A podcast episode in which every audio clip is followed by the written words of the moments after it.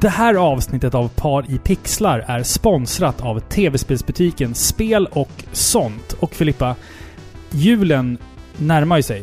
Ja, det, Det, stämmer. det är november nu när vi spelar in det här. Och liksom... Jag känner att det kanske är dags att börja kolla på julklappar nu. Och då är ju spel och sånt ett perfekt ställe, eller hur? Ja, men precis. Vad passar då bättre än att köpa de där fräsiga Mario-kallingarna till svärfar?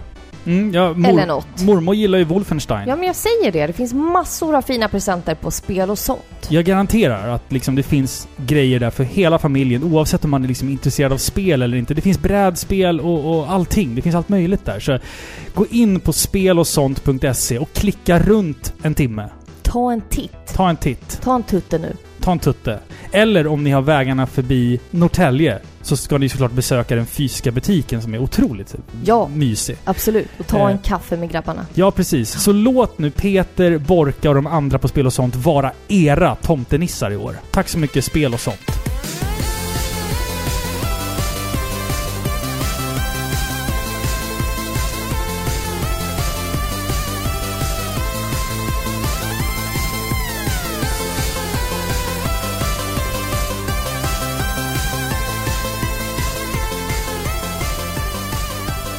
Hejsan och hjärtligt välkomna ska ni vara till avsnitt 105 av Sveriges mest kärleksfulla tv-spelspodcast Par i pixlar. Med mig Robin och mitt emot mig sitter som vanligt Filippa. Hej! Hej! Hör du, det, det är ju en tv-spelspodcast vi håller på med. Ja. Fast det är inte idag. Nej. Nej. Hur kommer det sig? Ja, det kommer sig av min dumma nostalgi. Lustiga besatthet till konstiga gamla japanska anime-serier. Ja, precis. Nej, nej men så här är det ju. Vanligtvis så pratar vi tv-spel. Med Mm. Glatta hjärtan så pratar vi om eh, allt från retro till moderna tv-spel. Men ibland så snackar vi ju faktiskt andra spelrelaterade ämnen, eller Mm. hur? Ja, och så, vi har ju typ aldrig gjort ett avsnitt om en anime-serie. Jo, Sailor Moon har vi gjort ett avsnitt om faktiskt. Det har vi faktiskt gjort ja, där vi sjöng. Ja, don't remind me. Eh, vi kommer komma in på Cyborg 9 så småningom, men först och främst så vill jag fråga dig Filippa. Hur, Jaha. hur är läget? Jo men det är bra. Det Ja. blåser storm ute, asmysigt. Jag hoppas att det inte läcker in i mickarna här, för det är världens Ja men då jävla... kanske det får lite mysig stämning, tänker jag. Det är en riktig storm ute där. Ja, verkligen. Vi var ute med kidsen tidigare idag och båda barnen bara skrek och grinade för de trodde att de skulle blåsa bort. Ja, våran fyraåring var ju är liksom... Han är rädd för vinden. Ja. Hjälp! skrek Det, det finns säkert någon, någon sån här märklig ehm, fobibeteckning på det. Alltså, vad, vad, heter alla En de där? riktig fo- fobi, ja. Men det finns ju arachnofobi, det är för spindlar. Ja, ja, absolut. Och så finns det en fobi för fobier också. Ja, precis. Hur den ter sig. Men vad är vind på latin? Det måste ju liksom vara vind på latin plus fobi. Ja, men något sånt. Nej, jag vet Så att, faktiskt ja. inte. Nej. Det har i Men alla fall våran, våran son. Hur mår du då? Eh, jag mår bra. Jag, Ja. jag hade, jag hade ju så här njurstens eh, anfall i morse. Det, det är inte ofta det händer. Men det, det händer ibland. Katastrof! Ja, Ja. fy! Det, Usch vad hemskt. det är liksom man, som man då när man får det så, så, så kissar man små stenar. Och det, det gör jävligt ont. Ja, jag förstår det. Usch. De Så- säger ju, de räknar ju det till liksom en av de mest smärtsamma upplevelserna man kan ha. Ja, ja visst. Första Förutom att typ så här kapa en arm. Ja. Ja. Alltså första gången jag hade det här så, så åkte jag in till sjukhus liksom. Men nu har jag lärt mig att hantera det i hemmet liksom. Det, det, det är fruktansvärd upplevelse och jag rekommenderar inte det till, till, eh, till någon. Men det, det blir väl så kanske. Nu är jag liksom, jag är över 30. Jag börjar liksom bli gammal. Du börjar bli liksom, gammal nu. Nu Ja. kommer krämporna. Har ont i knäna. K, ont i ryggen. Ja. Det är Förresten, så. vet, du vad ålderdomshem heter i Spanien? Nej.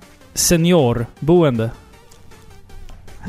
Nej. Jo. Seniorboende. Ja, ja, men nej, va? Det var inte det ett kul skämt? Nej, det var inte så kul. Nähä. Men Nej, tack nej. ändå. Okej, okej, men jag kör, jag, kör, jag kör ett till pappaskämt då. Ja, men absolut. Vilket djur är bäst att ha med sig när man är ute och springer?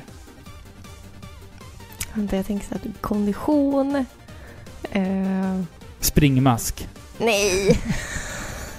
Den var lite bättre. Den var rätt äcklig. Den var ja, lite roligare. Ja, men den var lite roligare. Ja, Ja. men det stämmer. Är vi varma i kläderna nu? Ja, strax. Varför säger man att man är varm i kläderna för? Ja, men, äh, typ att är man kall så typ fryser man till. Du vet, Mm. man är stel, man bjussar inte på Men, sig. det, det, Men här rör vi på oss, eller hur? ja, men det är ett Ja, sånt här märkligt uttryck som jag liksom inte förstår. Skita i det blå skåpet. Ja, eller ringrostig som vi pratade om i ett annat avsnitt. Ja, men det förstår tidigare. Ja, Och det har okej. inte med analen att göra som du trodde. Nej, precis. Det har ju med det här med gängor att göra. Ja, men typ. Ja, Man rostar liksom. ja. Men vi kan väl bara nämna lite kort att du har precis spelat klart Red Dead Redemption 2 Ja. och jag har precis börjat med Red Dead Redemption 2. Ja. Cowboysare. Ja. Så nu, nu är jag så här, nu vill jag bara lyssna på Terry Reid, Leonard Skinner, Simple Man, ja du vet. I wear my hat with pride. Howdy partner. Howdy partner. Yeehaw! Ja. Jag, känner, alltså jag kan inte undvika, om vi ska, om vi ska prata lite snabbt om Red Dead Redem- Redemption 2, så jag har svårt att liksom inte så här, tänka som typ Woody i Toy Story. Ja, alltså jag, jag typ. ser mig liksom som, som Man tar, honom. ja, alltså jag kan inte ta egentligen det här på, på allvar. Nej. För att jag tycker, nu sätter jag ner näven. Jaha. Nu tycker jag och säger att cowboyhatten är det fulaste plagget en man kan bära. Jag är beredd Jag att, jag är beredd att hålla med dig Alltså där faktiskt. fine, det ser fint ut med lite så svettigt skägg, du vet lite smuts, lite blod. Ja, Det ser nice ut när en cowboy rider in så här, men det är töntigt. ja. Ja, det är ja töntigt. men det, det, ja, det, det är det där med hatten. Men frågan är vilken hatt som är värst. Cowboyhatten eller Fedora-hatten? Fedora-hatten ligger är den är nog, det, Ja, ja, den- den, alltså- är nog värst tror jag. Fy, det är, fy, det är som att droppa syra på ögonlocken Ja. när jag ser den. Alltså fy. En sån där nice guy med Fedora-hatt. Så jag såg också... Eh, där, jag såg också en rolig sån här meme eh, där det var eh, typ... Alltså, hade man ett helskägg på 1800-talet, då var det så här, då var man ute och högg ved hela dagarna. Ja, Ha, typ. ha, har man helskägg år 2018 så går man in på affären och frågar ifall om handkrämen är ekologisk. ja men det stämmer ju bra. Så hipster har tagit Ja. över. Liksom. Men det stämmer. Ja. Det, är, det är vår tids eh, lumberjack. ja, precis. Men jag tror nog att vi är varma i kläderna nu för att köra igång. Och nu brinner vi. Vi, vi ska ju prata om anime-serien Cyborg 009 som skapades, tecknades 1979 och släppte sista avsnittet 1980. Och den här är ju speciell för att det är ju den enda som släpptes i Sverige på svenska, på, på VHS, back in the day. Det här är hype. Ja. Får jag bara liksom inleda det här Mm. segmentet med att säga att det här är hype. Mm. Det här är inte bara ett avsnitt där vi ska liksom avhandla en gammal klassiker från 60-talet, utan det här är både din barndom och Mm. jättemånga andra svenskars barndom. Och mysteriet med den svenska dubben. Ja. Ja, Jag har ju gjort research under en massa, massa år och försöka få fram då vem den här mystiska dubbaren är som någon gång på 80-talet dubbade hela jävla serien själv eh, till svenska. Och för er som inte fattar någonting av vad vi pratar om. Eh, när den här serien, Cy- eh, Cyborg 009, släpptes så eh, var det en man, en dansk man, Mm. som gjorde alla röster till den svenska översättningen av Cyborg 09. Mm. Och det säger sig själv, en man från Danmark som ska göra en dubbning till svenska från japanska. Det blir en hel del knasigheter liksom. Mm. Eh, och det blev så pass mycket att hela dubbningen blev känd. Och folk har sedan dess letat efter den här mannen. Och det har skapat ett, skapats ett helt liksom community. Karstenologer kallas vi för. Ja, karstenologer, för att folk fick för sig att han hette Karsten. Eh, kring den här mannen. Mm. Vem är han? Ja, och det här har liksom pågått sen det datumet, alltså det är typ 30 år. Ja, Och du har hittat honom. jag har pratat med honom. Du har pratat jag, med har, honom? jag har spelat in en intervju med honom på ungefär 25-30 minuter som vi kommer att ha någonstans i det här avsnittet. Precis, så förutom att ha ett bra avsnitt om det här, eh, den här otroligt bra animen så ska vi även då diskutera den här Vi, vi, mannen. vi ska se till att Wikipedia, den svenska Wikipedia-sidan om Cyborg 09 får ett namn där det står Skrivs om, dubbades till svenska av... det stämmer. Punkt, punkt, punkt. Vi Right kommer till intervjun och jag, jag, jag känner så att, att det här är liksom... det här är inte världsomvälvande, men för oss trogna Cyborg 09-fans i Sverige så är det här en stor deal. Och ja, vi, vi återkommer till det lite senare. Och det är egentligen därför vi har valt att prata om Cyborg 09. För att den fick en svensk release på video. Många som är födda på 80-talet och 70-talet såg det här som barn, tyckte det var skitcoolt. eh, och det är, det är en av de första animerna anime-serierna som översattes till svenska liksom. Och på ett ganska märkligt sätt. Eller man kan Ja, säga. jo men precis. Och du har ju en väldigt stor eh, relation till den här animen. Ja, ja, ja Med- visst. Medan jag egentligen inte har någon Nej. relation. Eh, du visade ju mig den här serien för första gången när vi träffades. Mm. Det är väl typ åtta år sedan. Ja men precis, och jag har alltid hört de här berättelserna om den här mystiska dubbaren och jag hade aldrig kunnat ana att vi skulle sitta här snart tio år sedan och Mm. göra ett avsnitt om den här serien och den här dubbaren. Precis. Men här är vi Mm. och den här animen har liksom visat sig betyda mer för mig än vad jag först ville medge. Ja, ja visst. Och den, alltså jag såg ju de här som barn. Eh, I dagsläget så äger jag ju alla, jag och min bror tillsammans äger ju alla Eh, utgåvor eh, på svenska. Det finns två stycken utgåvor eh, med 25 band vardera. Så jag och brorsan äger en komplett samling. Eh, Sen vill jag också säga att jag har ganska mycket annan såhär Cyborg memorbi eller memorabilia eller vad man ska kalla det för. För jag, här på bordet framför oss nu så har vi, vi har några VHS-kassetter.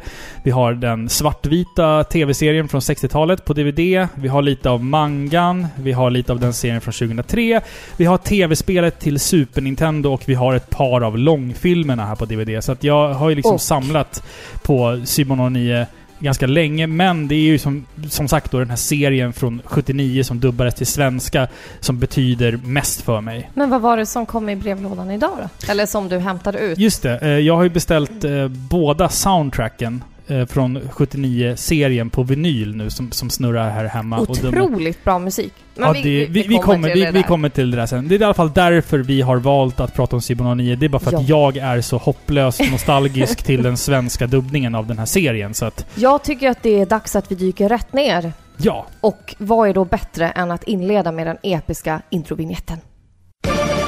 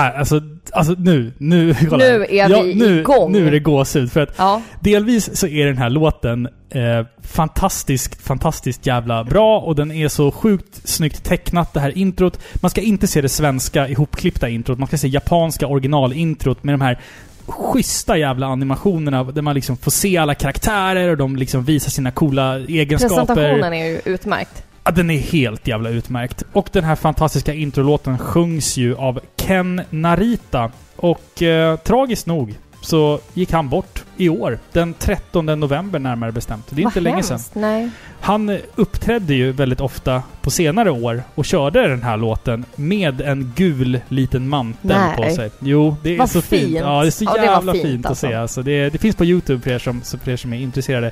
Otroligt starkt att, att liksom att han, har, att han också tycker att den här serien liksom var bra. Att låten var bra. För låten Att han är är ju... stolt över att ha varit med Ja, om det här. exakt, exakt.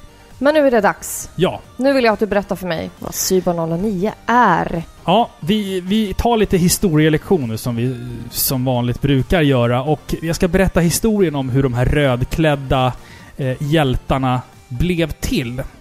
Cyber 009 är en manga skapad av mangatecknaren Shotaro Ishinomori. Ursäkta mitt japanska uttal.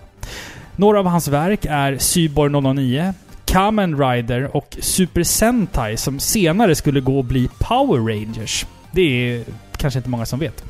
Han har även tecknat manga-versionen av The Legend of Zelda A Link to the Past som faktiskt var med i våra svenska Nintendo-magasinet som vi hade i brevlådan när vi var små. Det är han som har tecknat dem, samma kille. Han föddes 1938 och dog 1998, bara 60 år gammal. Han kommer alltid att bli ihågkommen som en ikon och en pionjär inom japansk manga och animekultur.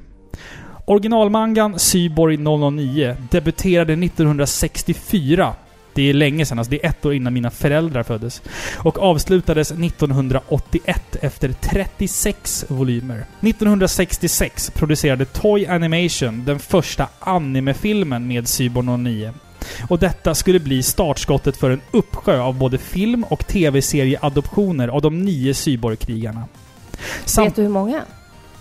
Hur många... Hur många... Alltså det har släppts ungefär, Mm. om man räknar, ungefär fem filmserier, tre tv-serier, Mm. fyra spel och massor av andra Ja. produktioner. Typ så här ljudproduktioner eh, produktioner också. Ja, så här precis. radio. Men ett av de där spelen är ju en sån här Pachinko-spel, så det räknas inte, tycker jag. Okej, men jag sa på ett ungefär. Ja, jag vet, men okej. Samtliga filmer och tv-serier har i alla fall haft sin egna twist och tolkning av Ishinomoris originalverk.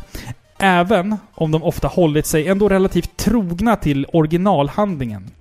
Så sent som 2016 släpptes den senaste tolkningen av Cyborg 009 kallat Call of Justice och är bestående av tre stycken 100 minuters filmer som i detta nu, slutet på 2018, finns tillgängligt på Netflix, även i Sverige. Cyber 009 har haft många inkarnationer och iterationer och vägrar att glömmas bort.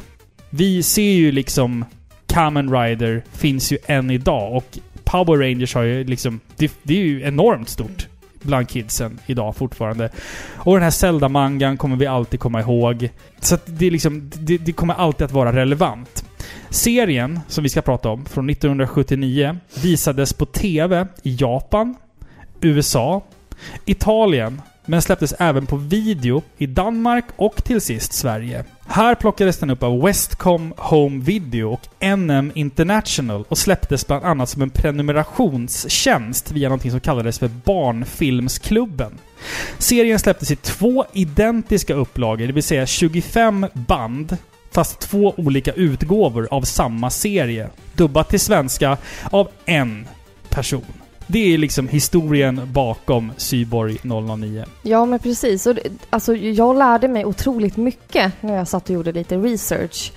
Det känns ju som att det här har liksom gått under min radar helt. Mm. Det här verkar ju vara, alltså så fort man kommer utanför Sverige och i liksom Europa så, så är ju det här en manga som är enormt stor. Det är ju det är en kultmanga i Det är en Japan. kultmanga, det här är en klassiker, det har påverkat otroligt mycket av dagens manga, eh, anime. Mm. Alltså, eh, Cyber 009 har gjort väldigt många gästframträdanden i andra produktioner och även inspirerat typ spel. Till exempel så har ju vi eh, eh, Protoman från Megaman Mm. som är inspirerad av 009. Med en gul scarf och Ja, allt. det stämmer. Så den här mannen, Shotaro Ishinomori, han är ju faktiskt en av de mest kända mangaförfattarna och han blev ju ordentligt belönad också med massor med priser. Mm. Men vi ska också nämna att den här serien som vi har valt att inrikta oss på, 1979 års eh, Mm. utgåva om man säger så, den är regisserad av Masayuki Akehi, Mm. ska vi säga. Exakt. Ja, det var lite bakgrundshistoria. Jag kan säga så här också att serien, alltså jag har ju sett, jag har ju sett eh, den här på japanska, den här serien då från 79. Jag har sett italienska klipp och jag har sett några avsnitt på danska. Men jag har aldrig sett några avsnitt på amerikanska. Trots att den visades på amerikansk lokal-TV. Men där är liksom... Det finns ingen som typ någonsin bandade det här på band och originalbanden är förstörda för att man typ åt... Man, på något märkligt sätt så läste jag att man återanvände samma band för att producera liksom nya serier och, och sådär. Så jag vet inte exakt hur det gick till, men de amerikanska originaldubbningstejperna är för alltid förstörda. Det är därför de aldrig kommer att se dagens ljus igen. Men, Då talar vi inte om dem. nej, precis. Men den, den danska och den svenska är ju kända dubbningar här i Sverige i varje fall. På grund av diverse anledningar. Ja, exakt. Som vi kommer komma in på. Ska vi prata lite om handlingen i den här eh, serien Ja. på 50 avsnitt? Ja men precis, vad handlar då Cyborg 009 om? Mm. Jo men vi får möta nio olika individer. Alla som har olika bakgrund och livssituationer. Alltså vi snackar typ allt ifrån en bebis till en medelålders kinesisk man. Ja, just det. Stor variation där, pluspoäng. Verkligen. Men när de alla hamnar i jobbiga livssituationer och liksom är som mest svaga i livet, då blir de alla kidnappade på olika sätt av den kriminella organisationen Svarta Spökena, Mm. som leds av Skull. Precis. Eller Svarta Spöket som han kallades i den svenska översättningen. Mm. Jag antar att Skalle inte passade sig som Nej, bra och, namn. och i, i den här serien från 79 så är ju Skull en karaktär som har figurerat. Nu är det ju, Ja. i, den, i den här serien vi, vi pratar om så är det ju de nya svarta spökena. Då är de gamla... De har tagit efter det. Ja, precis. Exakt. Men som sagt, de svarta spökena kidnappar de här olika individerna vid olika tidpunkter och experimenterar på dem. Och syftet är att organisationen ska kunna använda sig av sina nya soldater som mänskliga vapen. Cyborg-soldater. Syborgare, precis. Alla individer omvandlas till syborgare. Hälften människa, hälften maskin är det ju egentligen. Eh, men de liksom belönas med övermänskliga förmågor. Men en forskare som arbetar med det här, han heter Gilmore, han börjar dock tvivla på svarta spökets onda ambitioner och lyckas befria alla syborgarna och ena dem i kampen mot de svarta spökena. Han liksom vänder dem emot skaparna liksom, för att han Precis. känner att det här är fel. Det här är fel, Mm. vi kan inte använda de här stackarna för ondska. Nej. Men tillsammans så bildas de, eller bildar de en superhjältegrupp kan man säga, som räddar världen mot onda organisationer och övernaturliga väsen. I röda dräkter med gula knappar. Och gul halsduk så jävla som coolt alltså. svävar i vinden. Den där färgen har ju dock varit lite olika. Eh, för att i vissa...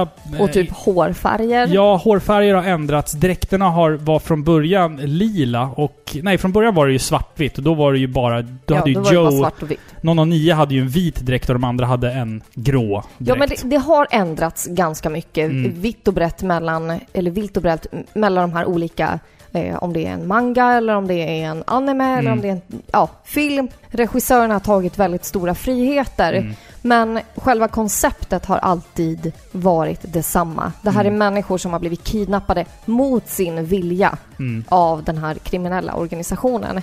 Eh, som har eh, liksom gett dem övermänskliga förmågor. Först då för att de ska liksom användas i deras tjänst. Precis, Ja. precis. Så det är det viktiga. Mm, det är Ja. liksom det väsentliga. Det är liksom Precis. grundstoryn i egentligen alla iterationer av 009. Exakt. Och sen den från 1979, den tv-serien som vi fick då i Sverige, den består ju som sagt av 50 avsnitt. Vilket är ganska långt. Det, egentligen så var det planerat att det skulle vara 63 avsnitt, men eh, ja, den blev cancelled, det var som man säger, eh, innan de hann teckna klart. Så att man fick liksom Inställd. man fick liksom klippa ihop slutet och, och knyta ihop säcken lite tidigare än vad man faktiskt först hade planerat.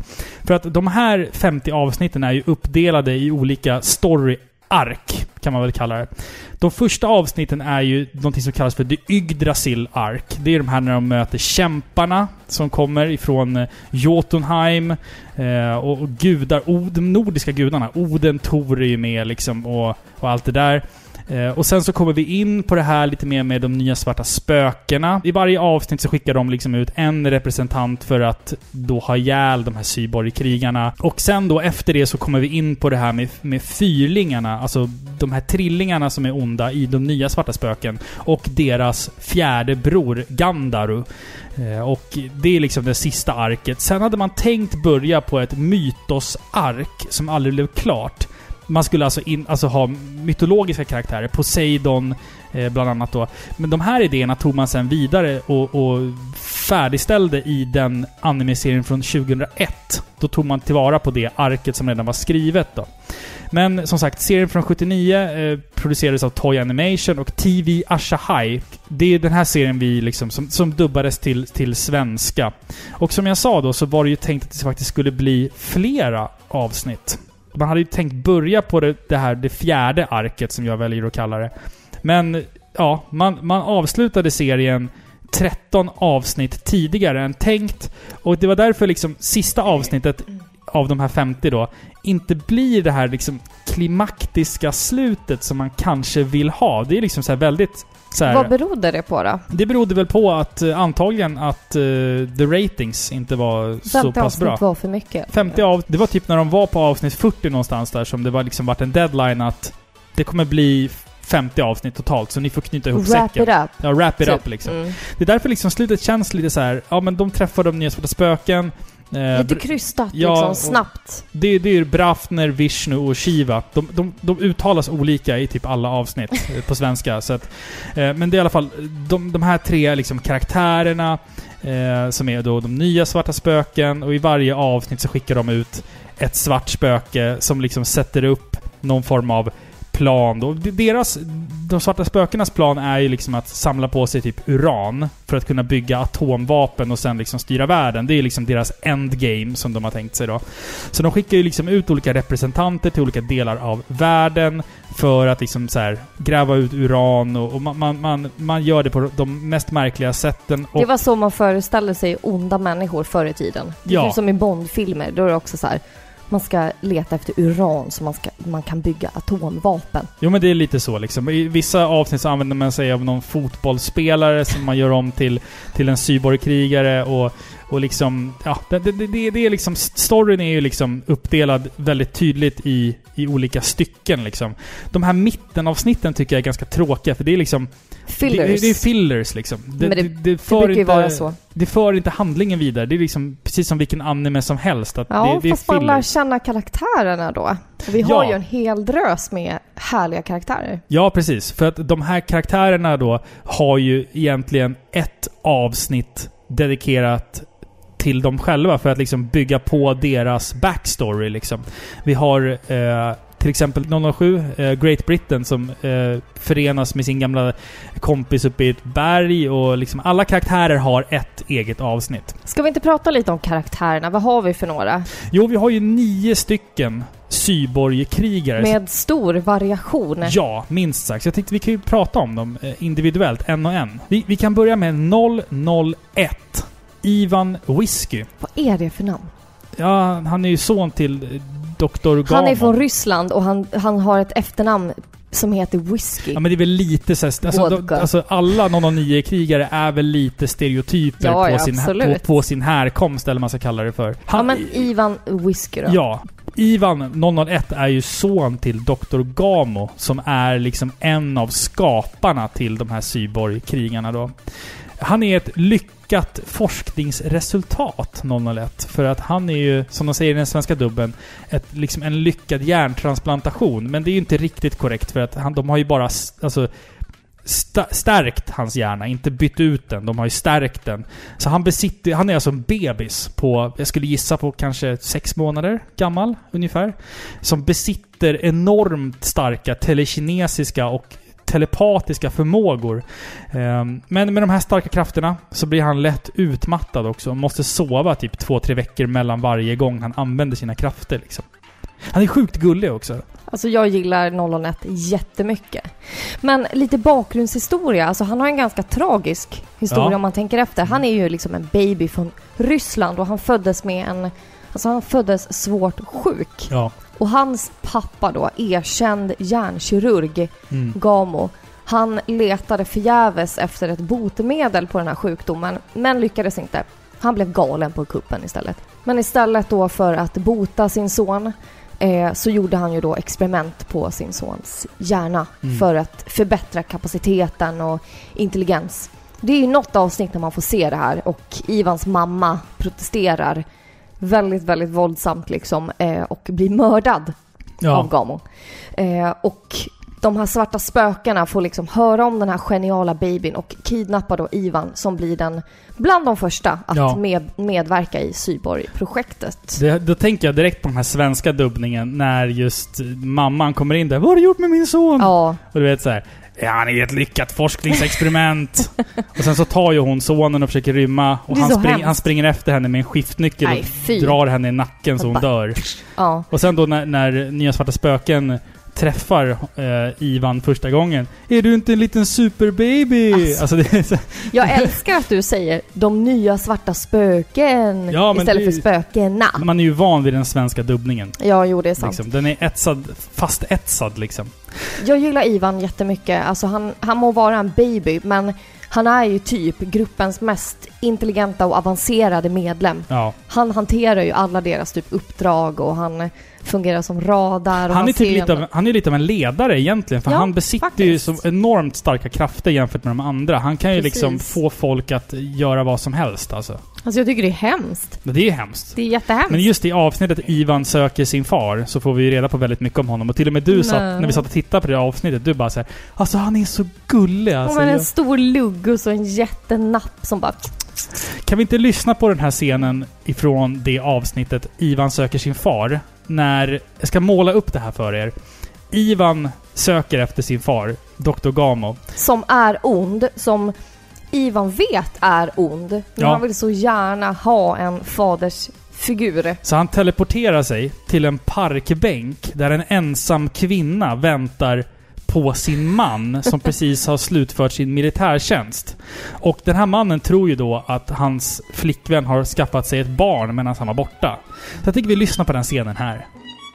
Här är jag min älskade! Nu är jag färdig med min militärtjänst. Nu ska vi två bli lyckliga. Riktigt vad jag är glad. Hej! Har du fått barn? Va? Vad är det? Det, det, det sitter ett barn där. Hä? Men det är inte mitt barn. Var är barnets mamma då någonstans va? Det, det har inte varit någon här. Säkert. Mamma. Jaså? Då ska du få hela ära! Det tror jag så inte på mig. Då är jag färdig med dig. Ja, vi bryter förlovningen. Mamma! Det är så Alltså jävla det, är fint. heart, det är heartbreaking. Ja, det är jag. heartbreaking. Det Stackars det- lilla det här- bebis. Ikoniska svenska Jag dubbningen vill också. bara alltså. ta hand om den. Vi ska gå vidare till 002. Våran kära flygande vän Jet Link. Ja, här har vi ju gruppens eldiga men godhjärtade medlem. Han har ju sitt där karaktäristiska röda håret och den extremt långa näsan. Kokainnäsan. Ja men typ, typ. Innan han blev cyborg så var han ledare över ett ökänt ungdomsgäng, The Jets Gang, som härjade och ställde till problem i New York. I Westside-kvarteren. Jaha, det vet jag inte. Men vid en våldsam konfrontation som slutar med att Jet knivhugger en medlem i ett rivaliserande gäng så blir han liksom snabbt bortförd av de här svarta spökena. Som på ett sätt ger honom en ny chans. Mm. För annars hade han ju hamnat i fängelse på en gång. Men då förstärker de hans förmågor och passar liksom på att experimentera på honom. Eh, de utrustar honom med motorer på fötterna. Så den här medlemmen han har förmåga att flyga. Mm. Alltså med, med hans långa näsa så symboliserar han ju liksom en fågel. Ja, liksom. precis. Han ser ut som en fågel. Ja, precis. Och Jet har ju faktiskt gästspelat i den här Zelda-mangan där Link möter en man som ser precis ut som Jet. Ja, ja, det är ju han. Ja, det är ju han fast han har ett annat namn. Eller man Ja, ska men kalla det precis. Han är också en professionell racerförare tillsammans Mm. med eh, 009 då. Också. Enligt vilken? Enligt den serien från 79 eh, som jag har fått för mig. Det är liksom Ah, så här, okej. I vissa serier så har Jet varit racerförare, andra har han varit ungdomsbrottsling. Han, Ja, men han, de har hunnit med jävligt mycket, de här Ja, under karaktärerna. sitt ganska relativt Precis. korta liv, typ. Mm. Men, men jetmotorerna som sitter under hans fötter i alla fall gör att han har samma flygförmåga som en Mach 5. Jag vet inte vad det säger om, om det går fort. Jag kan, ingen, ja, men det, jag tror att det går jag kan ganska ingenting fort. om flygplan. Kan ingenting? Ingenting om Kan flygplan. inte du säga så lite mer ofta? Ingenting. Att du kan ingenting? Ja, nej, det, det kan jag inte Ja, heller. nej. Westside-kvarteret är min bakgrund, precis som ni har eran bakgrund. Ärligt talat, ja, du har inte fått genera dig va? Jag står inte ut med det längre, va? Det är riktigt, jag växte upp i ett jävligt litet kvarter, va? Och det var någon jäkla som bodde där. Men det var varma människor va? Älskvärdiga människor, kom ihåg det. Nej nu, det var för mycket. Om vi inte har förtroende för varandra så är allting över. Ja, det är precis vad det är. Vi går vidare till 003, François Arnoul. Jag vet inte hur man uttalar det. Ja, men François. Ja. Den enda kvinnan i gänget. Eh, och den här fransyskan besitter förmågan att kunna se och höra genom objekt. Hon är också syborgarnas bästa pilot, men även tekniker. Hon är liksom en... Hon är en sån här tinkerer. Hon kan liksom allt Ja, men möjligt. precis. Eh, hon var tidigt, eh, tidigare i sitt liv en professionell ballettdansös innan hon kidnappades av de nya Svarta Spöken. Och hon har också figurerat som 009s kärleksintresse i många av iterationerna av 009. Ja, precis. Jag tycker hon är så söt. Vet du det? Ja, med, med det där det är hon. rosa lilla hårbandet och... Hon, hon bryr sig så mycket om, om alla andra. Ja, och det är ju lite lustigt. Hon är ju gruppens enda kvinna. Men hon blir ju då liksom eh, Ivans beskyddare. Hon ses ju ofta liksom Mm. bära runt på honom. Jo men det är som du säger, hon får ju liksom gå som mamma och 009 brukar ju få liksom, när de är incognito, undercover, så brukar ju 009 få vara pappa. Ja, det är faktiskt rätt enkelt. 00309 säger bara Att barnet är deras, va? Ja, låter mycket enkelt. Ja, det är inte alls roligt. Jag bryr mig inte om det där 004. Fun fact är ju faktiskt att när hon blev kidnappad av de svarta spökena. Mm. Eh, hon stod ju faktiskt vid tåget och väntade på sin bror. Just det. eh, som eh, hade varit borta. Eh, men då blev hon kidnappad och hon blir nerfryst av spökena Mm. i väntan på bättre teknik. Så hon är egentligen runt 50 år, Mm. men hon ser ut att vara 19. Stämmer. Mm. Om man ska tro mangan så är det ju Ja, ja så. precis. Liksom. Alltså de här uppgifterna kommer ju diffa en aning just Ja, för exakt. att eh, det är olika i alla. Det är olika i alla, men vi utgår ju någonstans ifrån liksom grundberättelsen och sen då hur 79, 1979-versionen har tolkat det. Ja. Liksom. Paris. Mitt stad, mitt hem. Vi måste hinna fram till Paris innan kämpen utplånar stan och lägga den alldeles öde. Vem ber du till 003? Varför? Väl aldrig till Gud? Vi går vidare till 004. Ja men precis, då har vi Albert Heinrich. Mm. Eh, när han och frun Hilda försökte fly från Östtyskland över till Västtyskland så blir de påkomna. Eh, frun blir skjuten och Albert blir bortförd av spökena. Alltså det verkar som att de är överallt. Det, det, det är också ett jävligt bra avsnitt. Ja, det är Eh, det. Alberts egna avsnitt. Ja. Precis. Han är ju den äldsta att bli en cyborg. Han är eh, alltså lite över 30 år. Eh, och bland de första som de experimenterade Mm, på. När han hade vaknat upp efter att de hade experimenterat på honom så drabbas han av en enorm depression. Eh, han har väldigt mycket självmordstankar. Och han var anledningen till att de la eh, projektet på is tills bättre teknik hade uppfunnits. De kände liksom att det här funkar inte. Alltså han fick för stora bieffekter av, eller biverkningar av att de experimenterade på honom så de kände att nej, vi måste vänta några år till. Eh, men han är utrustad i alla fall med vapen över typ hela kroppen. Ja. Han har pistoler på sin högra hand, han har knivar på sin vänstra och missiler under knäna. Han vecklar bak benet Ja. så liksom, det är så jävla coolt alltså. Ja, det är lite creepy också. Ja. Ja, men jag gillar honom också jättemycket. Just att vi har en, eh, alltså om man ska tänka lite så här politiskt korrekt nu, eh, så har vi liksom en, en, eh, en machoman Mm. som eh, drabbas av depression och mår uppenbart dåligt liksom. Ja, och absolut. De, eh, ja, men jag, jag, jag tycker att det är mänskligt. Det- Och det är framförallt ett väldigt allvarligt och vuxet tema på Absolut. en annars till synes barnserie. Det, det märks ju i avsnittet Fantomfyren av eh, 79-serien då, när de försöker återuppliva Hitler.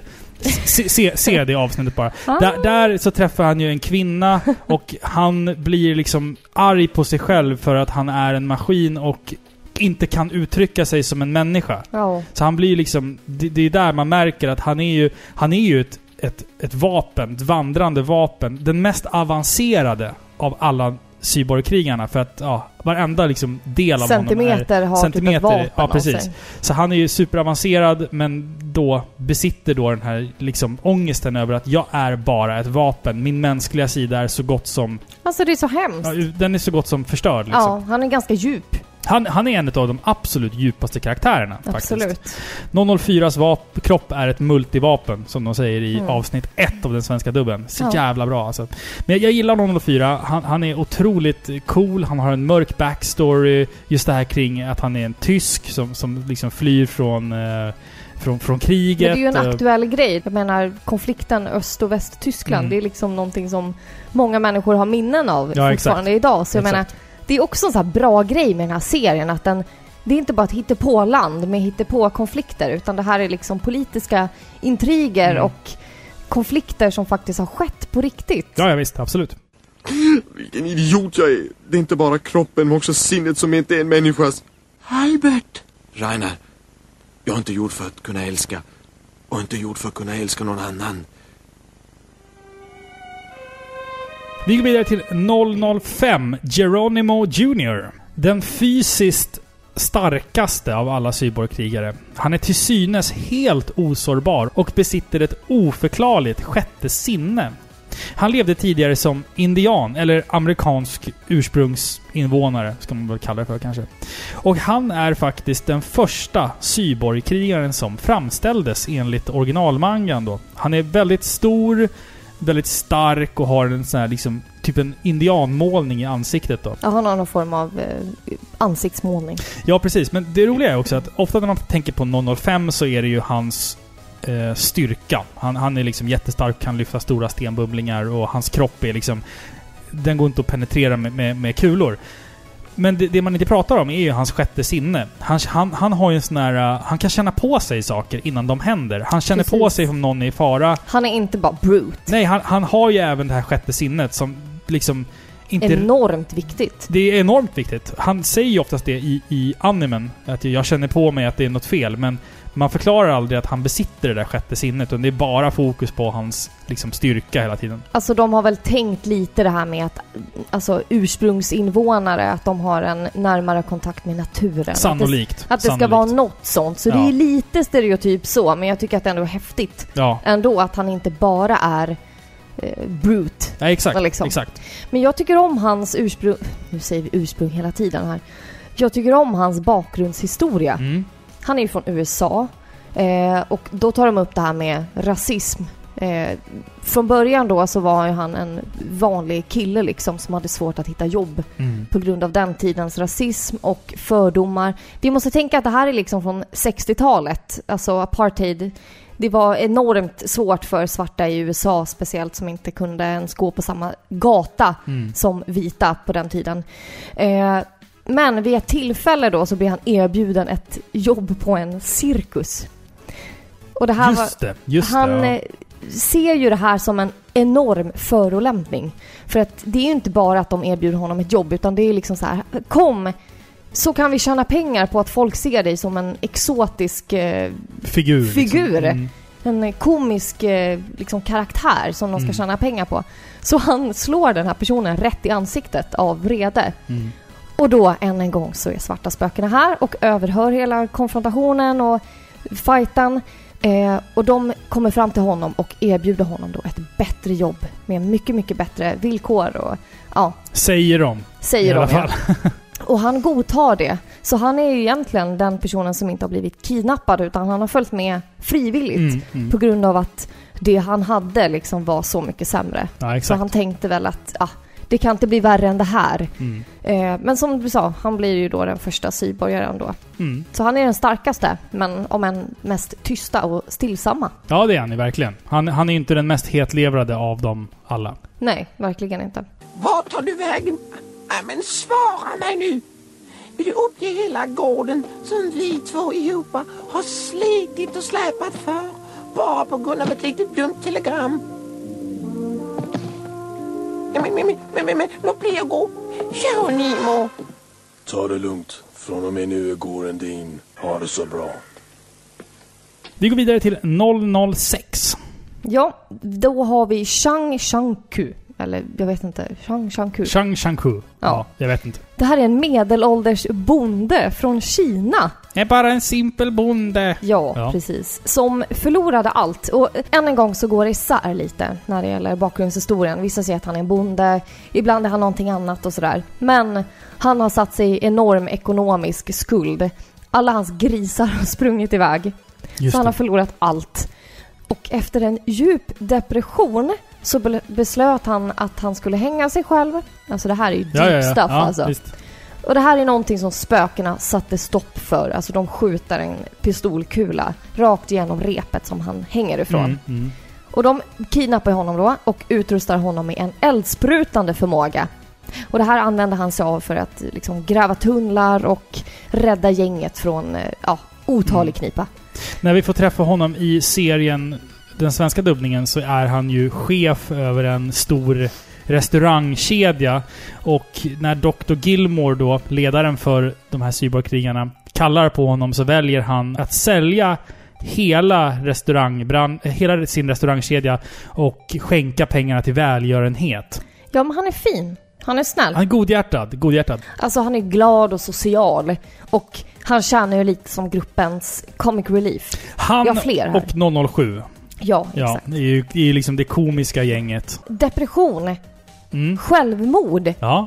Det här är deep stuff. Ja, men det, det är oftast då som de nya Svarta Spöken har varit framme och Jo, liksom norpat de här Absolut. människorna på deras liv. Det är typ som så här, folk som erbjuder ett lån till folk som precis har förlorat allting. Ja, visst, alltså det är visst. så här, de visst. tar dem när de är mest svaga. Ja. Men ändå, det här skulle egentligen vara en barnserie.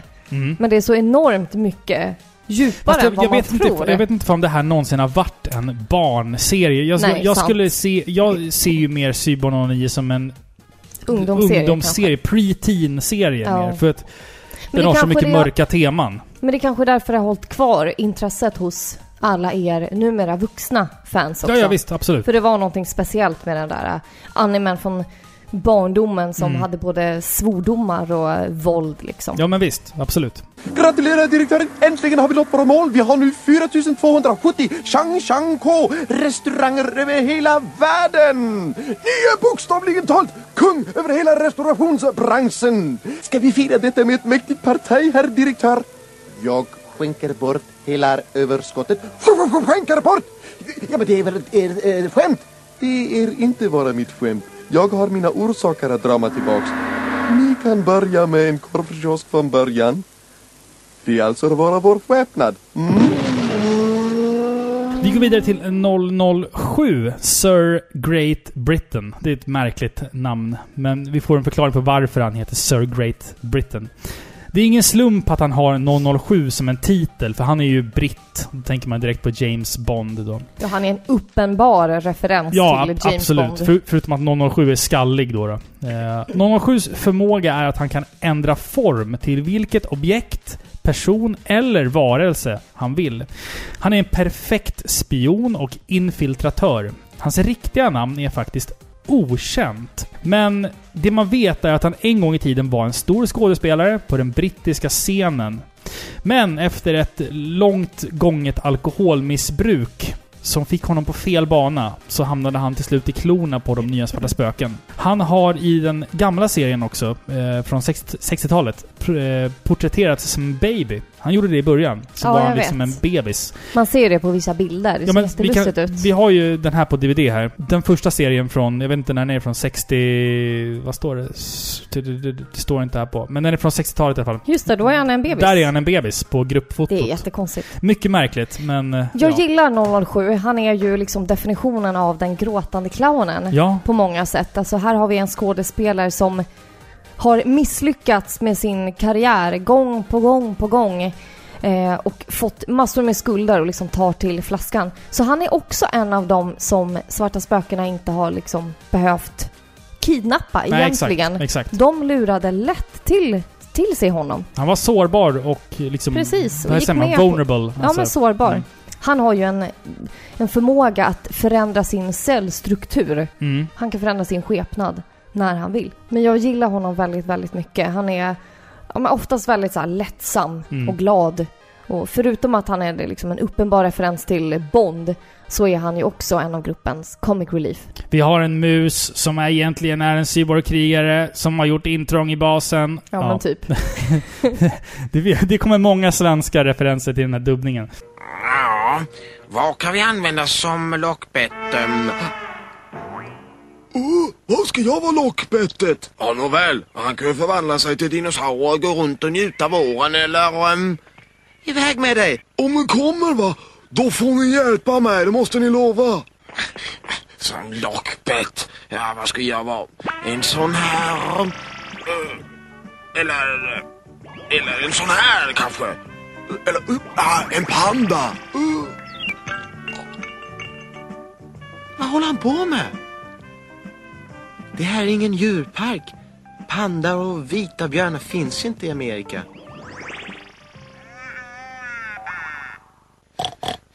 Kom fritt fram, här sitter en liten nasse. Jag har blivit mörkt här, din och Nix. Jag vågar inte vara ensam i mörkret. Vi går vidare till 008. Ja, då har vi Pionma. Han är en slav från Afrika som vid ett tillfälle lyckas fly från sina slavhandlare.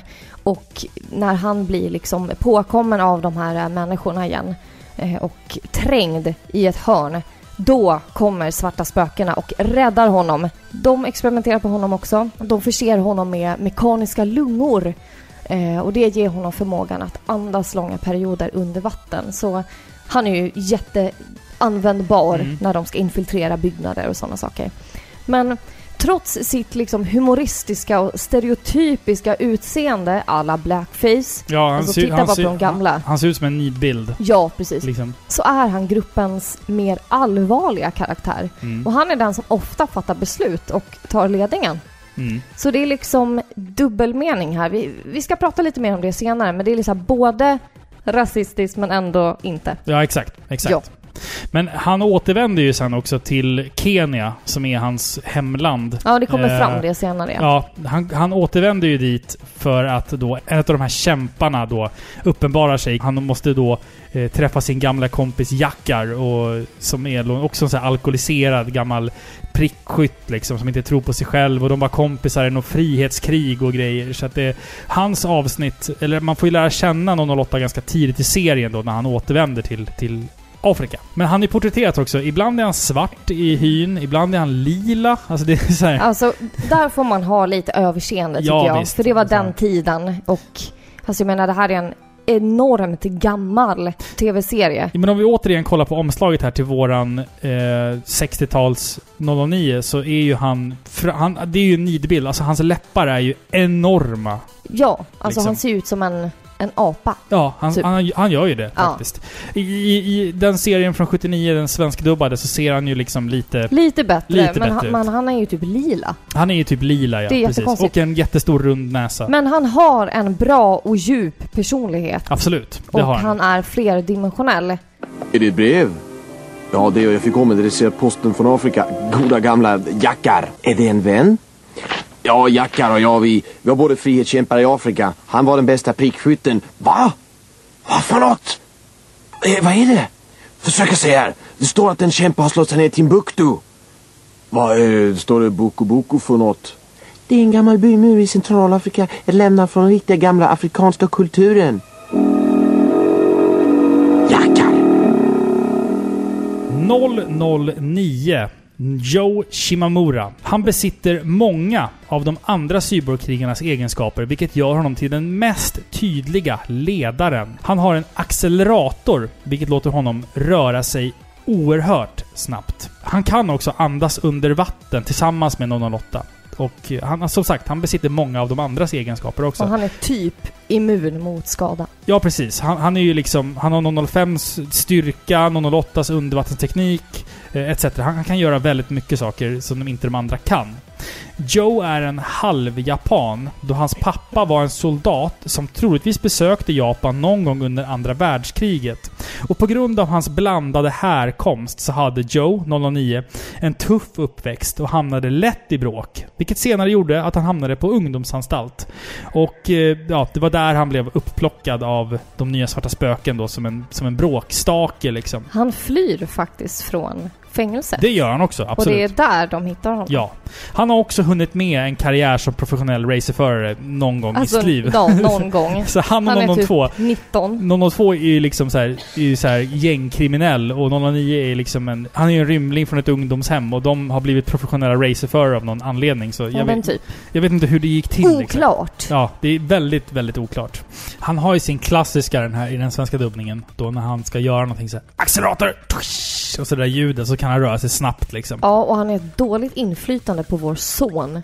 Våran, våran fyraåring springer runt och Ja, skriker... en accelerator! Så ränner han runt så här med håret ska vara som en lugg Ja, i ansiktet. Bara, men du kan inte gå runt sådär. Nu har vi faktiskt klippt ungen. ja. Men innan dess, då bara hängde en, en stor, enorm, tung och svettig man ner för vår fyraåriga Ja, det- sons ansikte. Det, det är ju svårt det här. och man liksom fick utskällning så fort man skulle föra den åt sidan. För att nej, jag är Joe. Jag är Joe. Jag är 09. S- Säger våran son på fyra år. Ja, Men det är jo, jo. liksom, alla dessa frisyrer defies gravity på ett eller annat ja, sätt liksom. absolut. Alltså han har ju bättre hårsvall än L'Oreals reklam. Jag älskar 009s hår. Det är Ja, ju typ absolut. det coolaste anime-håret genom tiderna. Det slår ta mig fan allt. Han är ju på många sätt liksom den här klassiska protagonisten. Mm. Han är så här ultra bra Ja. på grejer. Du vet, han är snabbast, starkast, Snyggast. plus diverse Ja. olika grejer. Ung, snygg, har ett kärleksintresse Mm. eh, och är ganska anonym, Ja, kan jag tycka. Du vet, han är så här, ja men typ som Captain America god liksom. ja, du vet. precis. Ultragod. Tänk om typ, ja men jag vet inte, Geronimo hade varit eh, gruppens Mm. ledare istället. Eller huvudperson. Ja men du vet. Mm. Jag, jag kan tycka att sånt är lite tråkigt men å andra sidan så tenderar det att bli så här. Men har, vem, är din favorit av alla de här nio? 001. 001? Ja. Ja, Jag det, tycker att han är, alltså okej det här är en bebis. att det är bara för att han är gullig. Nej, det är inte det. Nej. Han har ju bäst förmåga. Han är ju Ja. smartast, han är mest intelligent, han har mest avancerad förmåga av alla dem. Mm. Han räddar ju, han kan ju teleportera sig. Alltså, teleportera sig, vad säger man? Ja, teleportera sig. Teleportera hela gruppen. Och den där stackars lilla babyn som bara svettas och... Nej! Ja, jag, jag gillar Nej. 002 väldigt mycket, jag gillar 004 väldigt mycket, men 009 är för han är coolast. Alltså han har coolast frisyr och liksom... Alltså ja, jag vet inte. Jag gillar nog Jet mer än 009. Ja men Jet är så sur hela tiden. Jaha, men det vet jag inte. Jag tänker mer att jag gillar hans... Alltså d- Men karaktärerna... jag gillar, jag, jag gillar alltid antihjältar. Ja, du jo, vet, jag vet det. Men, men alltså, de flesta karaktärer är endimensionella i 009. Medan liksom... Det, sen finns det ett fåtal karaktärer som... I beg to differ. jag vet Nej, inte alltså. Jo! Jag tycker Jet alltid är så här hetlevrad och, och 008 är alltid liksom men han så är här, en gammal kriminell. Jo, jag vet. Men 004 är så här, han är liksom deppig. 005 är så här tyst och arg. 009 har liksom, han har, han har flera dimensioner liksom.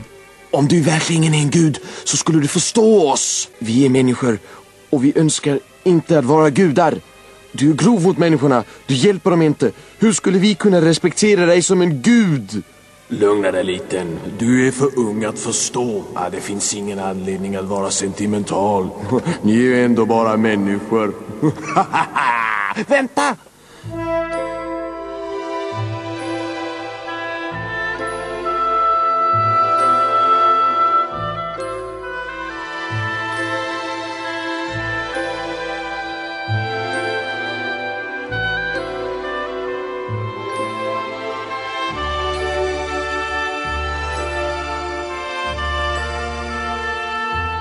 Men om vi då ska gå in på den här äh, serien och prata liksom generellt om den. Liksom avsnitten, animationerna, musiken. Vi ska inte prata om den svenska dubbningen, det kommer lite senare då. Men vi ska prata om, om, om serien generellt då. Ja men precis. Om, om jag tänker först då, presentationen. Mm. Vad, vad tänker vi om det?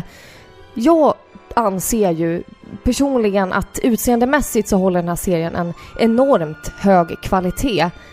Alltså den svenska versionen är måhända lite så här dassig när man ser den. Eh, men att se japanska versionen i krispig kvalitet, bra ljud.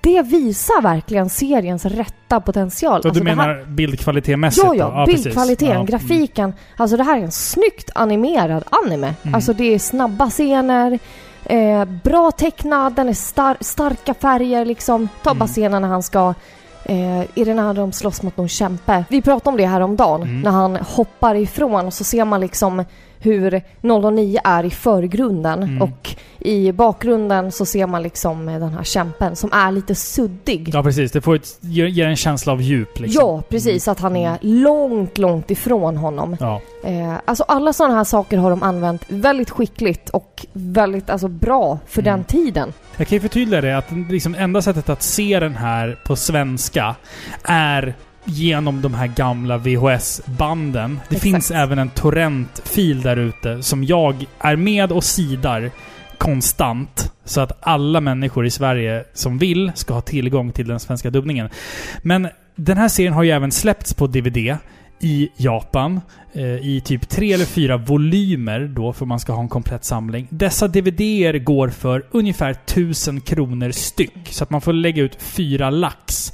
Om man, om, om man ska ha serien på DVD. Eh, brorsan köpte nyligen den här serien på Blu-ray. Och då är det som sagt då, som med DVDn. Du får den på japanska utan någon som helst subtitle. Ingen engelsk subtitle, absolut ingen svensk subtitle. Ska du ha Blu-ray så får du ju vara beredd på att pynta närmare 6000 kronor. För att den är pressad eh, Både DVDn och Blu-rayn är pressade i så pass limiterat antal att det finns nästan inte att få tag Nej. på.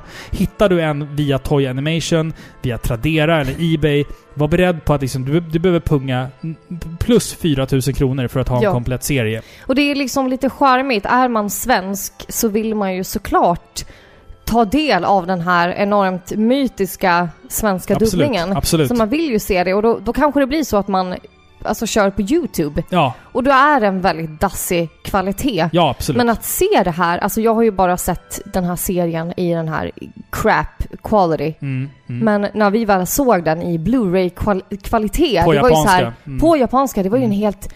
Alltså det var ett uppvaknande. Ja, visst. Men vad visst. är det här? Är det så här serien är? Den Ja. är ju så sjukt snygg. Japp. Man snackar liksom så här, Akira, Ghost in the Shell. Mm. De är enormt bra. Mm. Verkligen, de är värda sin, eh, liksom, sin cred. Men den här serien, den är sjukt snyggt Det, det, är stört, animerad. det är stört att tänka att den här är från 79. Ja. Alltså det, det är liksom... Alltså det är, är så skickliga grejer, bara den, det som jag nyss nämnde, liksom det här med för och bakgrunden. Att zooma ut. Det är en sånt, Mm. sånt enkelt knep egentligen, men det gör väldigt mycket. Den lider ju dock lite av det här klassiska filler-fenomenet inom anime.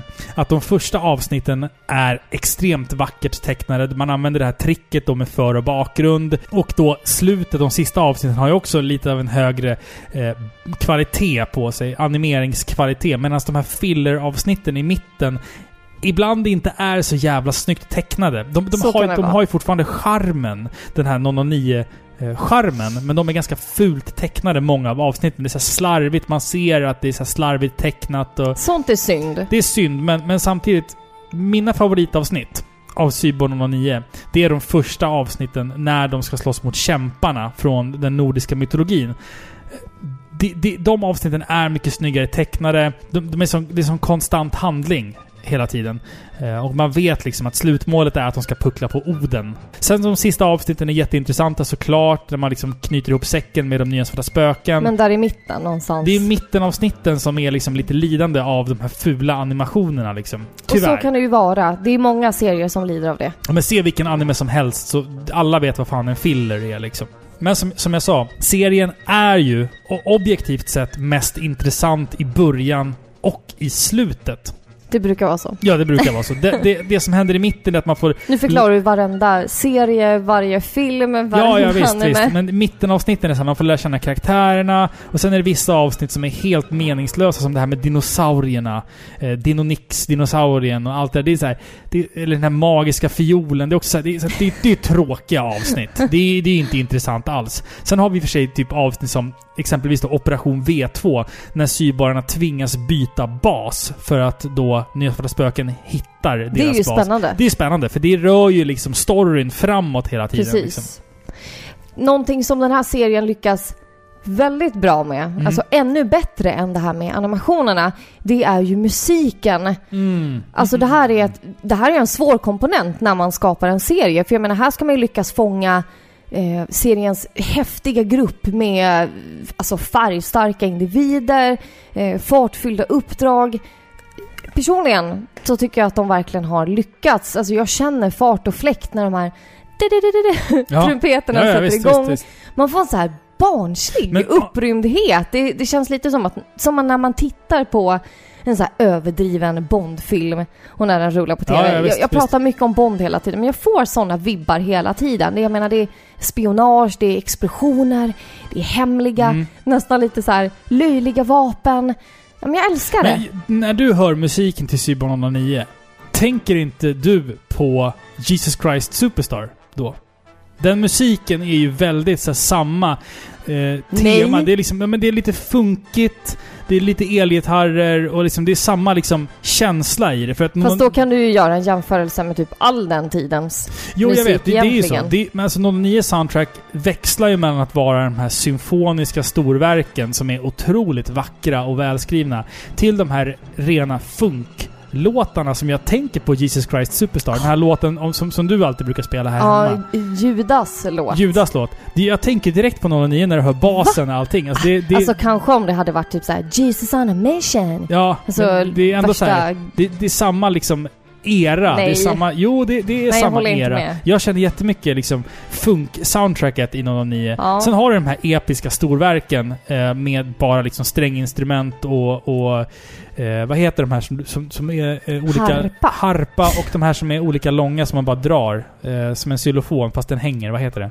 Alltså, jag vet inte. Släkting till triangel. Ja, men det, ja, men det är så klockspel och, och, och vad heter det? Orbo, heter det så? Obo. Instrumentet. Oboe. Oboe. Det är ju ett... eh, Alltså det är ja, typ som en klar, flöjt. klarinett och skit. Ja. Det är liksom, sen har du ju de här, som jag sa, funk-soundtracken också. Det, det Ja, smaken är som baken. Ja, jag, jag- jag tänker inte på Jesus Christ nej, Superstar, det gör jag. men Det gör jag. jag, jag, tänker typ på Bond-filmer. Att det ska vara så här hemliga operationer. Ja, lite så också. Men jag, jag älskar de här soundtracken så pass mycket att jag köpte båda två på vinyl från Japan. Men du, det gör skillnad. Jag tänker, jag tänker inte säga vad jag pröjsade för de där jävla albumen. Men, Ingenting. men nej, okej. Thank you.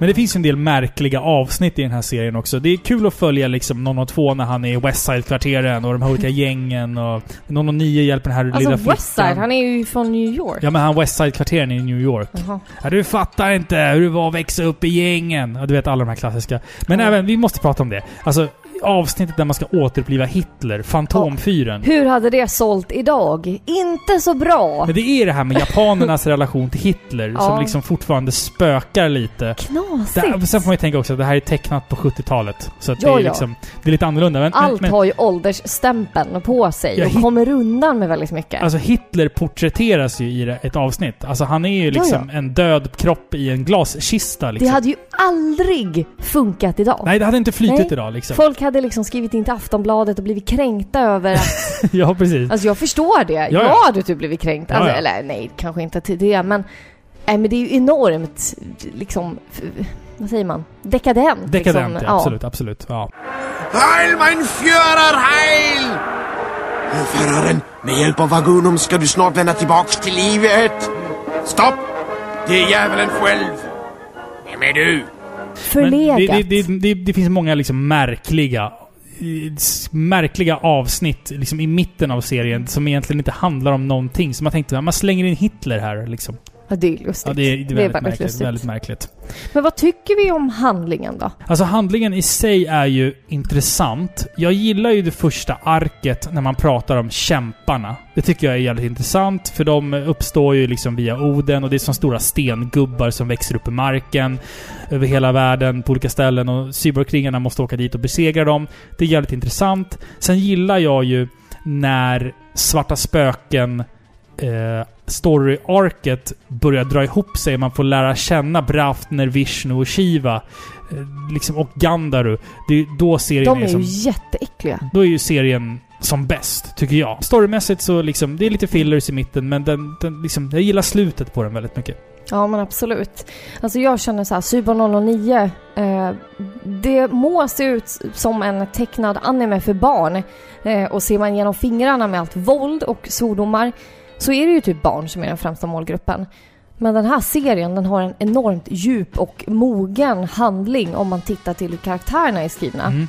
Alltså först och främst så har vi ju liksom inte den här eh, platta, endimensionella eh, ondska versus godhet. Nej, precis. Utan här kan man ju faktiskt se det som att spökena räddar alla personerna. Till att börja med, ja. De hittar ju alla personerna när de är liksom i en speciellt utsatt situation och berikar dem med förmågor och ja. Mm. Så en hade ju kunnat tycka att det var det bästa liksom. Men sen att de vänder sig mot sina mästare, ja, men, alltså det ger liksom ett nytt filter och en ny mening till storyn. Det räcker liksom inte med att de har en massa coola prylar och att 009 är jättesnabb. Det räcker liksom inte för att vara lycklig. Mm. Utan de inser liksom att de kan inte bli använda för det här onda uppsåtet. Men sen så behandlar ju faktiskt den här serien väldigt, väldigt mogna äm- ämnen. Till exempel självmord, de pratar om psykisk ohälsa. Det riktas pistoler mot tinningar Ja, på folk i den här Precis, serien. pistoler mot tinningar. Ja. Och man kan ju vid första anblick tycka att Pionma och Geronimo är extremt rasistiska i och med hur de är tecknade. Och jag håller med den biten, verkligen. Men liksom tar man sig tiden att se de här fillersarna som du pratar om Mm, mm. och deras personligheter liksom växer fram, det pekar på motsatsen. Jag menar, Pionoma, han tillhör ju liksom en av de smartaste och starkaste karaktärerna. Mm. Geronimo hanterar rasism i sitt avsnitt. Och de har verkligen gjort människor av karaktärer som annars hade kunnat utnyttja den tidens fördomar och föreställningar. Förstår du? Ja, Och då får man fortfarande lägga i åtanke att den här serien är väldigt, väldigt gammal. Mm. Så ja, ritade rasistiska. Ja, det stämmer. De är det. Men personligheterna och liksom deras bakgrundshistoria vittnar om att skaparna hade det här i åtanke. Och de här karaktärerna gör ju faktiskt någonting för att agera mot det. Ja, Förstår du? absolut, Absolut. Och det uppskattar jag. Och det visar för mig att den här serien är liksom... Eh, det är inte för barn. Nej, absolut. Verkligen Det inte. var, det var jävligt fint sagt av det där, för de bevisar ju verkligen sina motsatser. Alltså jag tänker ju liksom 006 som en stereotypisk kinesisk man, men han har ju ett väldigt djup i sin karaktär. Samma Alltså sak med han 008. hänger sig själv. Ja, precis. Han, han mår så dåligt att han vill begå självmord. Ja. Det är ju fruktansvärt. Geronimo, han är så fruktansvärt less på den tidens fördomar. Mm. Att han verkligen bara slår en människa rätt i ansiktet. Mm. Jag menar, de har ju fångat den tidens konflikter och... Ja men som sagt, de har gjort människor Ja, av de här karaktärerna. maskiner. Nej, jag menar att de har gjort människor Av, Av maskinerna. Nej, jag, för, men jag förstår vad du menar. nej. Jag säger att de har gjort människor av karaktärer som Ja. annars hade bara kunnat bli platta stereotyper. Absolut, absolut. Det var De det jag har- menade. Ja. Mm. Jaha, nu fattar Ja, nu jag. fattar du vad du menar. Jag bara, de hör är, du de inte är vad inte jag människor, säger? de är cyborgkrigare. Ja, ja, just Ja. det. Just det. Ska vi prata lite grann om den här svenska dubbningen? Jag vet ju att många utav er där ute är intresserade av det. Vi kommer att ha intervjun snart med den svenska dubbaren här. Men vi kan prata lite vad vi har för tankar och åsikter om den svenska dubbningen. Vad har, vad har du att säga Filippa? Ja, alltså jag har ju ingen direkt relation till det här, inte så som du. Men tänk att jag har hört talas om den här mystiska danska mannen sen du och jag träffades för typ Mm. åtta och ett halvt år sedan. Men jag har ju förstått nu att det här har liksom påverkat och lyckats involvera en stor grupp människor som Mm. alla varit nyfikna på vem den här mannen är. Mm. Alltså, dubbningen till svenska den är ju lite eh, märklig, ska man säga. Lite lustig. Ja, för att det, det är väldigt mycket svordomar. Och den svordomen som framkommer mest är ju jäklar. Vi, jag tänkte så här. vi lyssnar på ett snabbt montage på ett par av dessa jäklar. Jäklar! Jäklar!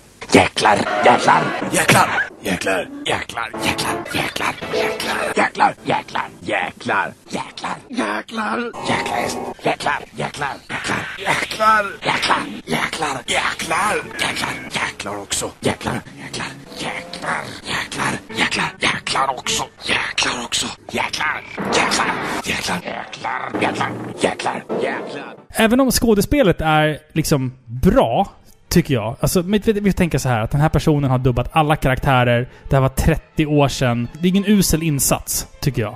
Nej, verkligen inte. Jag tycker att det är viktigt att man påpekar det. Mm. Att den här mannen, han har inte ens svenska som sitt modersmål. Nej, exakt. Och så ska han liksom översätta från ett ännu mer främmande språk, Mm. japanska, som inte ens har ett samma alfabet. Och vi har ju också även liksom... Man, anledningen till att man hör att det är danska är för att vissa ord är på danska. Typ sannheten som sägs i avsnitt ett tror jag, är ju liksom sann, eh, sanningen. Sanningen. Och det är Liksom. det som har gjort att den här serien har blivit så pass omtyckt på det sättet. Den är charmig. ja, exakt. För att han har ju liksom...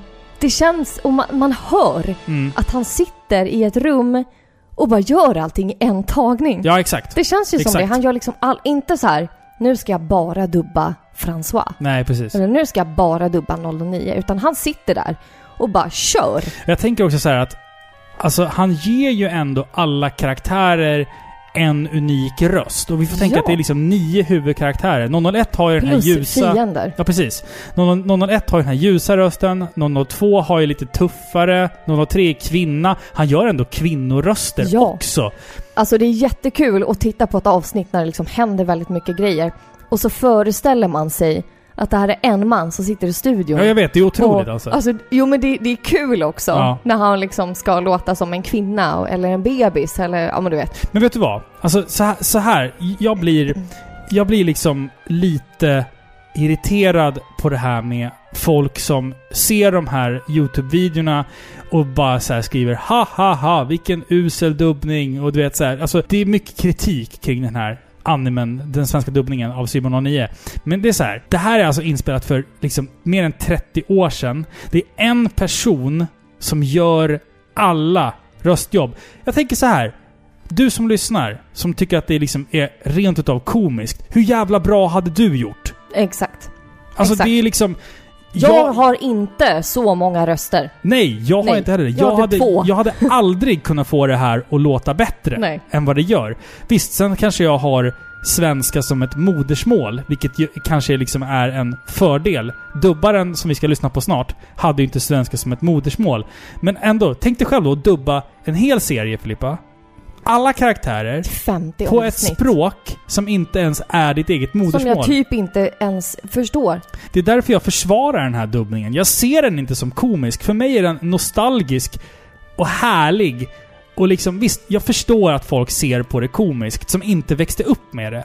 Jo, men alltså jag känner ju, alltså hela den här hypen har ju börjat på grund av den smått komiska Jo översättningen. visst, så jag menar, du måste, det är klart, du måste ju erkänna att den är komisk. Mm. Men jag skulle ju aldrig på något sätt gå så pass långt att säga att personen som har gjort det här Mm. är korkad. Eller liksom Nej, att nej, han, nej. vad, vad är det för fel på honom? Att han Hur är kan dålig, säga, liksom. Nej, är han han inte. är inte en dålig översättare. Han är tvärtom en väldigt bra översättare. Som gör det på ett språk som inte ens är hans Ja, jag tänker mig liksom. själv om jag skulle översätta till typ finska. Alltså Mm. det skulle bli katastrof. Eller Säg att jag norska. skulle översätta från franska till finska. Mm. Just imagine. Alltså Ja, ja, jag precis. skulle ju... Det skulle bli katastrof. Mm. Ja. Det här säger ju egentligen bara att han är en duktig Ja. översättare som klarar av det här. Men sen såklart är jag ju enormt tacksam över att han har gjort det här så att man kan retrospekt Mm. titta tillbaka på det här och liksom glädjas lite åt de smått humoristiska segmenten. Jag tycker vi lyssnar på ett klipp ifrån den svenska dubbningen när då den här röstskådespelaren ska porträttera 007, 004 och 003 i samma scen. Och det är liksom... Det är tre helt olika karaktärer. Och jag tycker vi lyssnar på det här. Åh, underbara primadonna! Jag vet vem ni är. Jag såg ju så tydligt från scenen. Det måste vara britterna Albert, är det inte? Riktigt gissat.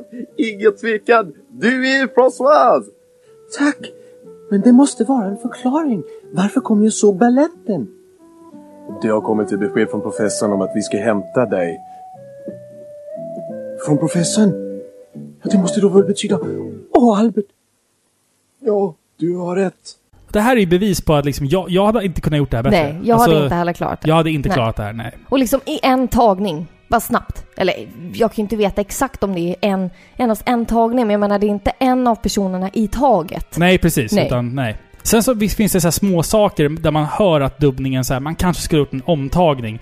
Så typ när någon av nio eh, till exempel då eh, är med om en grej och sen säger han det där var värre än en berg och dalbana, säger han. Då hör man så här, det där var värre än en berg och dalbana. Alltså att han börjar på fel bokstav. Ja, men precis. Liksom sådana små saker. Men tänk så här, fan det är 30 år sedan. alltså liksom- vad stressigt Ja. att sitta där och liksom porträttera jättemånga karaktärer. Ja, precis. Ja. Jag menar det också. Men jag tänkte, Filippa, det börjar bli dags för den här intervjun. Är det dags nu? Det är dags snart. Eh, Okej. jag, jag har en liten text som jag vill läsa innan intervjun, om det går bra för dig. Jag- Jag vill bara säga Ja. en sak. Det här avsnittet har ju betytt väldigt mycket för dig. Det är nog det avsnitt som betytt mest för mig. Och väldigt många andra människor. Mm. Och vi har, sedan vi utannonserade det här avsnittet, fått massor med mejl Mm. från människor som både har liksom hyllat det, men också folk som typ så här: nej, nej men det går inte, ni, Mm. ni har inte hittat rätt person. Mm. Folk som säger bara, nej men jag har sökt i alla år, det går inte. Mm. Ni har hittat fel liksom. Eh, jag vill bara säga att jag och Robin, eller du Robin, vi, vi vill ju inte knäppa någon på näsan med det här avsnittet. Alltså det här hade ju inte varit möjligt om det inte vore för att alla människor gemensamt har sökt Exakt. i alla forum, alla trådar, alltså i så många år Mm. tillsammans har vi löst det här problemet. Absolut. Så det råkade bli du nu Mm, som som fick rätt. tag på den här personen. Men det här är en gemensam uppoffring och ansträngning som vi alla kan ta del av. Det svenska Cyborg 009-communityt är för alltid starkt. ja, exakt. Jag är bara den lyckliga som lyckades hitta rätt. Ja, liksom. exakt. Eh, Varsågod. Jag ska säga så här innan... Vi ska, jag ska läsa en text här snart. Men jag vill också säga att den här texten kommer följas av intervjun. Och jag var väldigt nervös när den här intervjun skulle spelas in. Så jag säger till exempel att Cyber 09 består av ett gäng ungdomar. Jag vet ju att 09-gänget inte är ungdomar, men jag, ble, jag, blev, Jag förstår att jag, du blev blev ex, jag blev extremt nervös. Du fick lite scenskräck liksom. Ja, för att den här mannen som vi har intervjuat är en väldigt, väldigt upptagen man. Eh, supertrevlig, men, men upptagen. Och jag blev... När, när vi fick liksom en in, den här 30 minuters intervjun med honom så blev jag extremt nervös. Ehm, Och vem kan klandra dig? Ja, det här men, är stort. Precis. Så jag tänker att vi inleder. Jag har skrivit en liten text där som jag tänker läsa innan till då. Om hur jag hittade den här personen. Okej. Så nu, nu kapar jag ett par pixlar här. Bara så att ni vet. Mitt möte med Cyborg 09 var som sagt i tidig ålder. Jag minns att jag som barn, en fredagkväll, ligger under vardagsrumsbordet med min Pallekuling-påse framför mig. Tuttifrutti-tablettasken är halvt uppäten och Dumleklubbans choklad har lämnat spår i mina mungipor. I soffan sitter lillebror och halvsover. Mina ögon är uppspärrade på TV-skärmen. Jag bevittnar än en gång hur 009 och hans kamrater i röda dräkter befriar världen från hotet av de nya svarta spökena. Spola nu fram till tidigt 2000-tal. Internet blomstrar med community-sidor som exempelvis Lunarstorm. Men också lite mindre forum där likasinnade samlas för att prata och diskutera ett specifikt ämne eller intresse. Internet var gränslöst och kändes som att all världens information bara fanns några tangenttryck bort. En dag blev jag nyfiken på om det fanns fler där ute som kände till Cyborg 009, mitt första möte med anime. Det visade sig att jag faktiskt inte var ensam. En grupp med Cyborg 009-fans hade redan anslutit sig till varandra och diskuterade sina favoritavsnitt av serien och andra ämnen. Det var dock ett ämne som redan då var ett mysterium. Vem var egentligen dubbaren till serien på svenska? Många hade redan börjat forska i vem denna person kunde vara. En del var stensäkra på att det var samma person som hade gjort rösterna i Silverfang. Och en annan var övertygad om att han hört rösten i en dansk översättning av en mjukporrfilm. Namnet Karsten figurerade redan då och det var där jag började leta. Genom åren har jag försökt få kontakt med personer involverade i distributionsbolagen som gav ut serien i Sverige. Westcon Home Video och NM International. Men då båda dessa bolag inte längre är verksamma så gav jag snabbt upp. Av den informationen jag fått fram så här långt så pekade allt på Danmark. Delvis videobolaget Westcon, men också namnet Karsten. Jag visste också sedan tidigare att Cyber 09 dubbats till danska. Jag kände att det kunde inte skada och se om det fanns någon form av koppling mellan den danska och den svenska dubbningen. Efter en snabb analys av ett par danska avsnitt på Youtube så insåg jag att Karsten inte var en av dem. Åtminstone inte vad jag kunde höra. Han fanns liksom inte med riktigt. Även om många av röstskådespelarna liknade hans röst så kände jag att det var inte han. Men i en av kommentarerna nämndes den danska röstskådespelaren Martin Miehe, en dansk skådespelare och dubbare. Efter en del sökande så hittade jag faktiskt hans mailadress och försökte få kontakt med honom i hopp om att han var involverad i den svenska översättningen av Cyborg 09. Efter några dagar fick jag ett svar. Han skrev i mejlet att han tyvärr inte hade något med den svenska versionen att göra.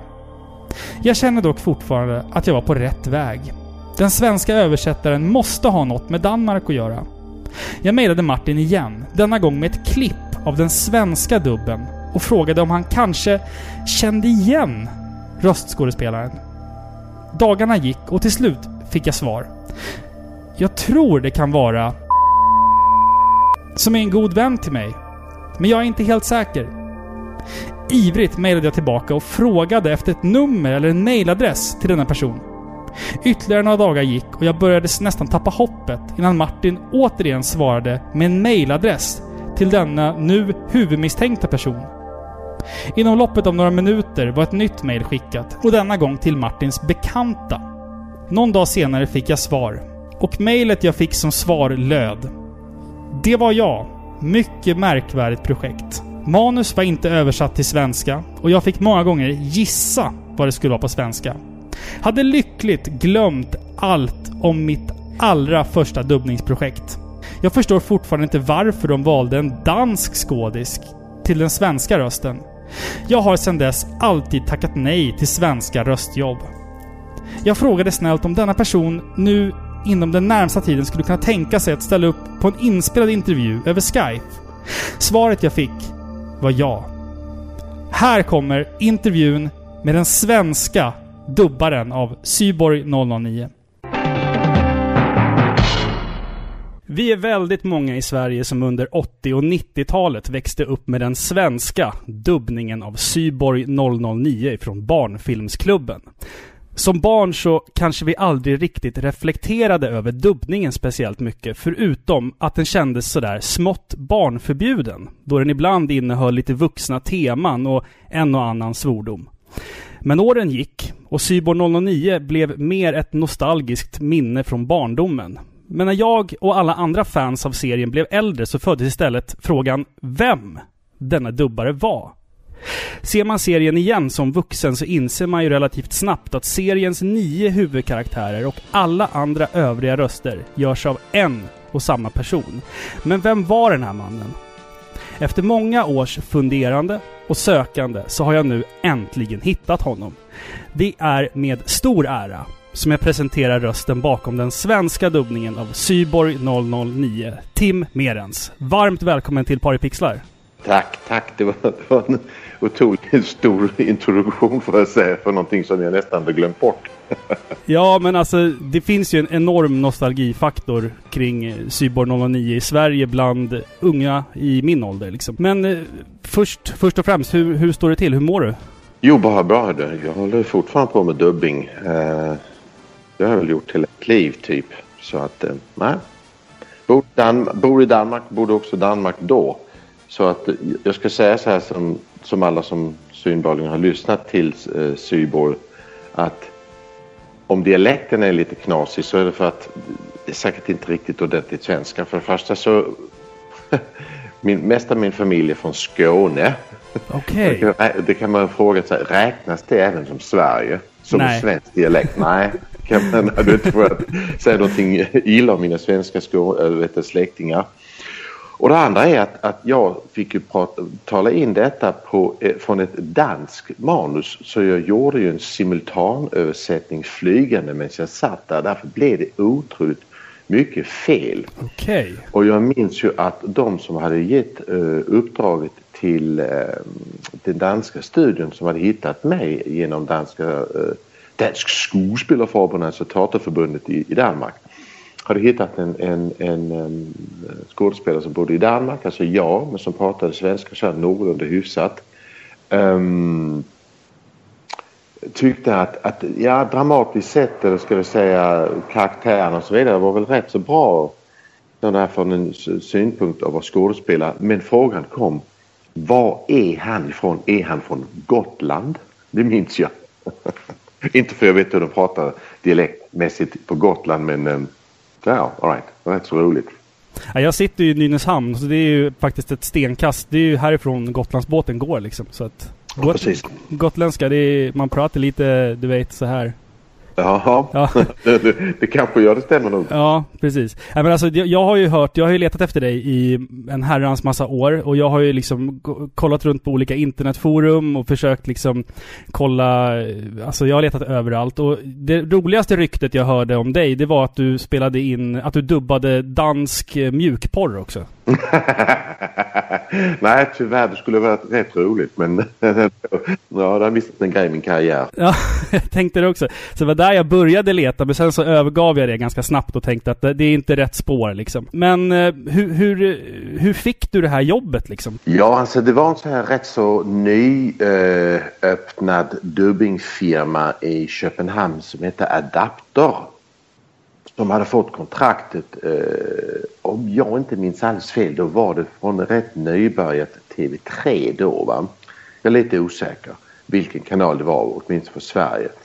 Men Danmark är rätt så säker på att det var danska TV3 eh, Viasat. Och eh, ja, de hade väl letat upp eh, i handboken som det heter eh, i Danmark, alltså över skådespelare som pratar andra språk, hade hittat mig.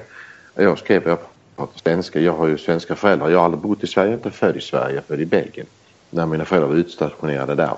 Men, eh, men pratar så här någorlunda hyfsat svenska. Jag, jag lärde mig ju rätt snabbt när vi spelade in detta att eh, det skulle nog bara bli tre gånger jag skulle göra det. Första, enda och sista gången jag skulle göra eh, inspelning på svenska för att mitt svenska är inte tillräckligt bra. Va? Och jag hade ingen självkritik men jag var rätt så hungrig på att känna lite pengar när man är ung skådespelare och eh, tänker vad fan det är ett skitbra betalt jobb, det tar jag. Va? Sen blir man kanske lite mer självkritisk senare så jag har alltid eh, hållit mig undan eh, alla svenska jobb sedan dess. Ja, det är ju svårt alltså. Jag förstår det. För 9 har ju, det, det finns ju rätt mycket liksom knepiga ord också, du vet. I, i, det är liksom ingen, det, det är ingen, ingen barnserie för liksom fyraåringar, utan det är ju kanske för ungdomar den är Nej. riktad till egentligen. Liksom. Ja, ja. Men kände du till att den här, att 9 har fått en sån här stor kult-following i Sverige? Ingen aning. Nej, ingen aning. Ingen aning. Nej. För att de här videobanden med din röst, de går ju liksom för hutlösa summor på, på eh, auktionssajter och sånt. Ja, det var roligt. Det, jag är en av dem själv liksom. Jag har ju en komplett samling med alla eh, 50 banden eller vad det är. Jag ska berätta en rolig liten anekdot om inspelningen. De var tre bröder som hette Beford som hade eh, börjat den här firman, eller åtminstone de två äldsta bröderna hade satt firman igång och så hade de inte tillräckligt med studion så att de hade en kompis i en förort till Köpenhamn eh, vars mamma hade en stor villa och då byggde de en sådär eh, temporär liten studio nere i källaren i en fuktig källare. Och då satte de deras lillebror som kanske var en, jag ska gissa på han var sådär 19 år någonting då va. Och eh, jag fick dessa manus och vi, eh, ingen, varken han eller jag hade någonsin jobbat med tecknade film innan men fan, man, man hoppar ut i det som ung och eh, energisk ung skådespelare. Till, ja, men det här klarar vi. Och då minns jag att en dag efter vi hade spelat in rätt så många dagar, det var långa, långa dagar som du själv sa i inledningen. Då jag, hade jag liksom alla rösterna. Va?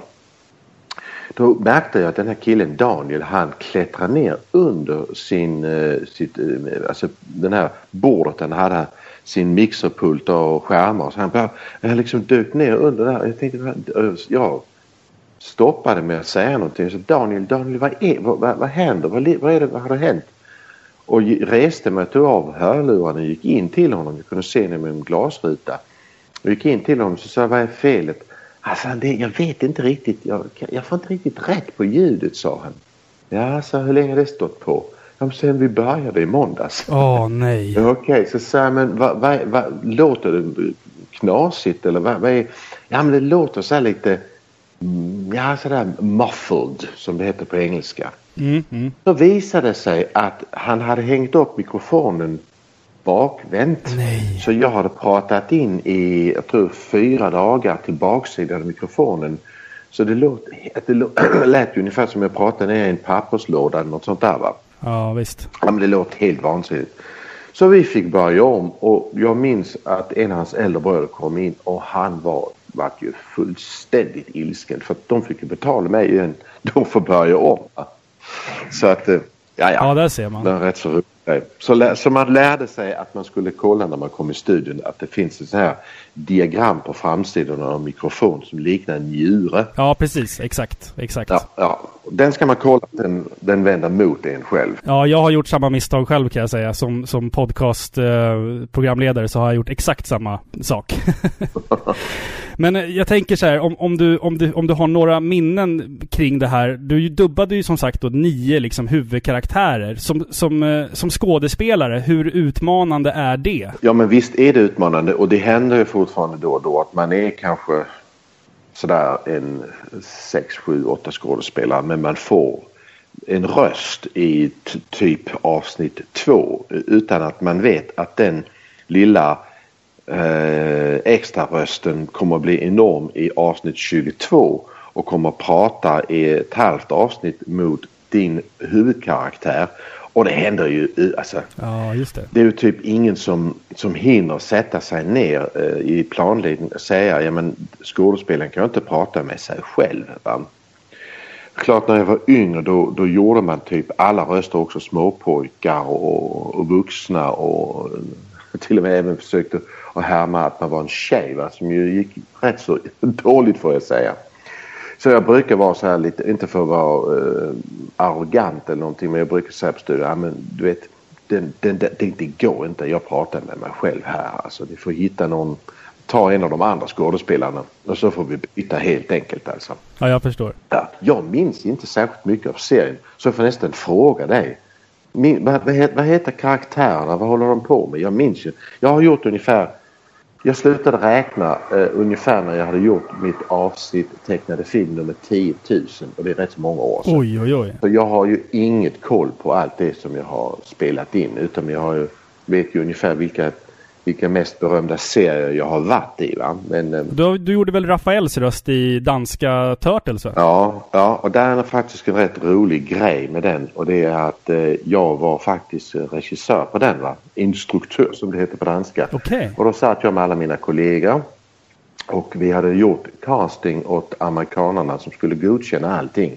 Och man skulle se till att det var fyra olika eh, skådespelare som gjorde de fyra huvudkaraktärerna. Eh, Rafael Donatello, Michelangelo och ja, vad heter den sista? Och jag var väl lite eh, fresh så jag gjorde det att jag gav ett, ett, ett, ett eh, en test på mer än en av de här eh, Turtles.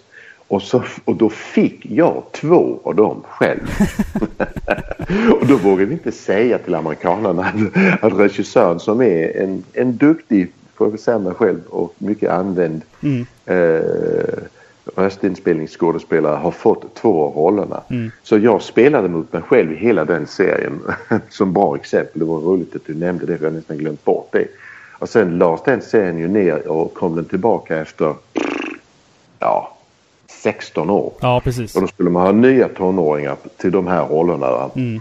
Så flyttade jag mig från att vara en Ninja Turtle till att bli Shredder. Ja, men det är ju en väldigt fin utveckling. Ja, ja, får man säga. Det stämmer bättre på min, mitt utseende och min röst.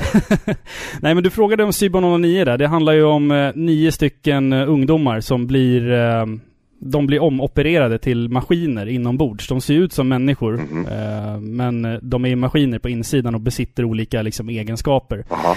Och sen i de första tio avsnitten då, eller vad det är, så slåss de ju mot eh, nordiska gudar. Typ Oden och Tor och de här, om du minns det. Inte alls. Okej.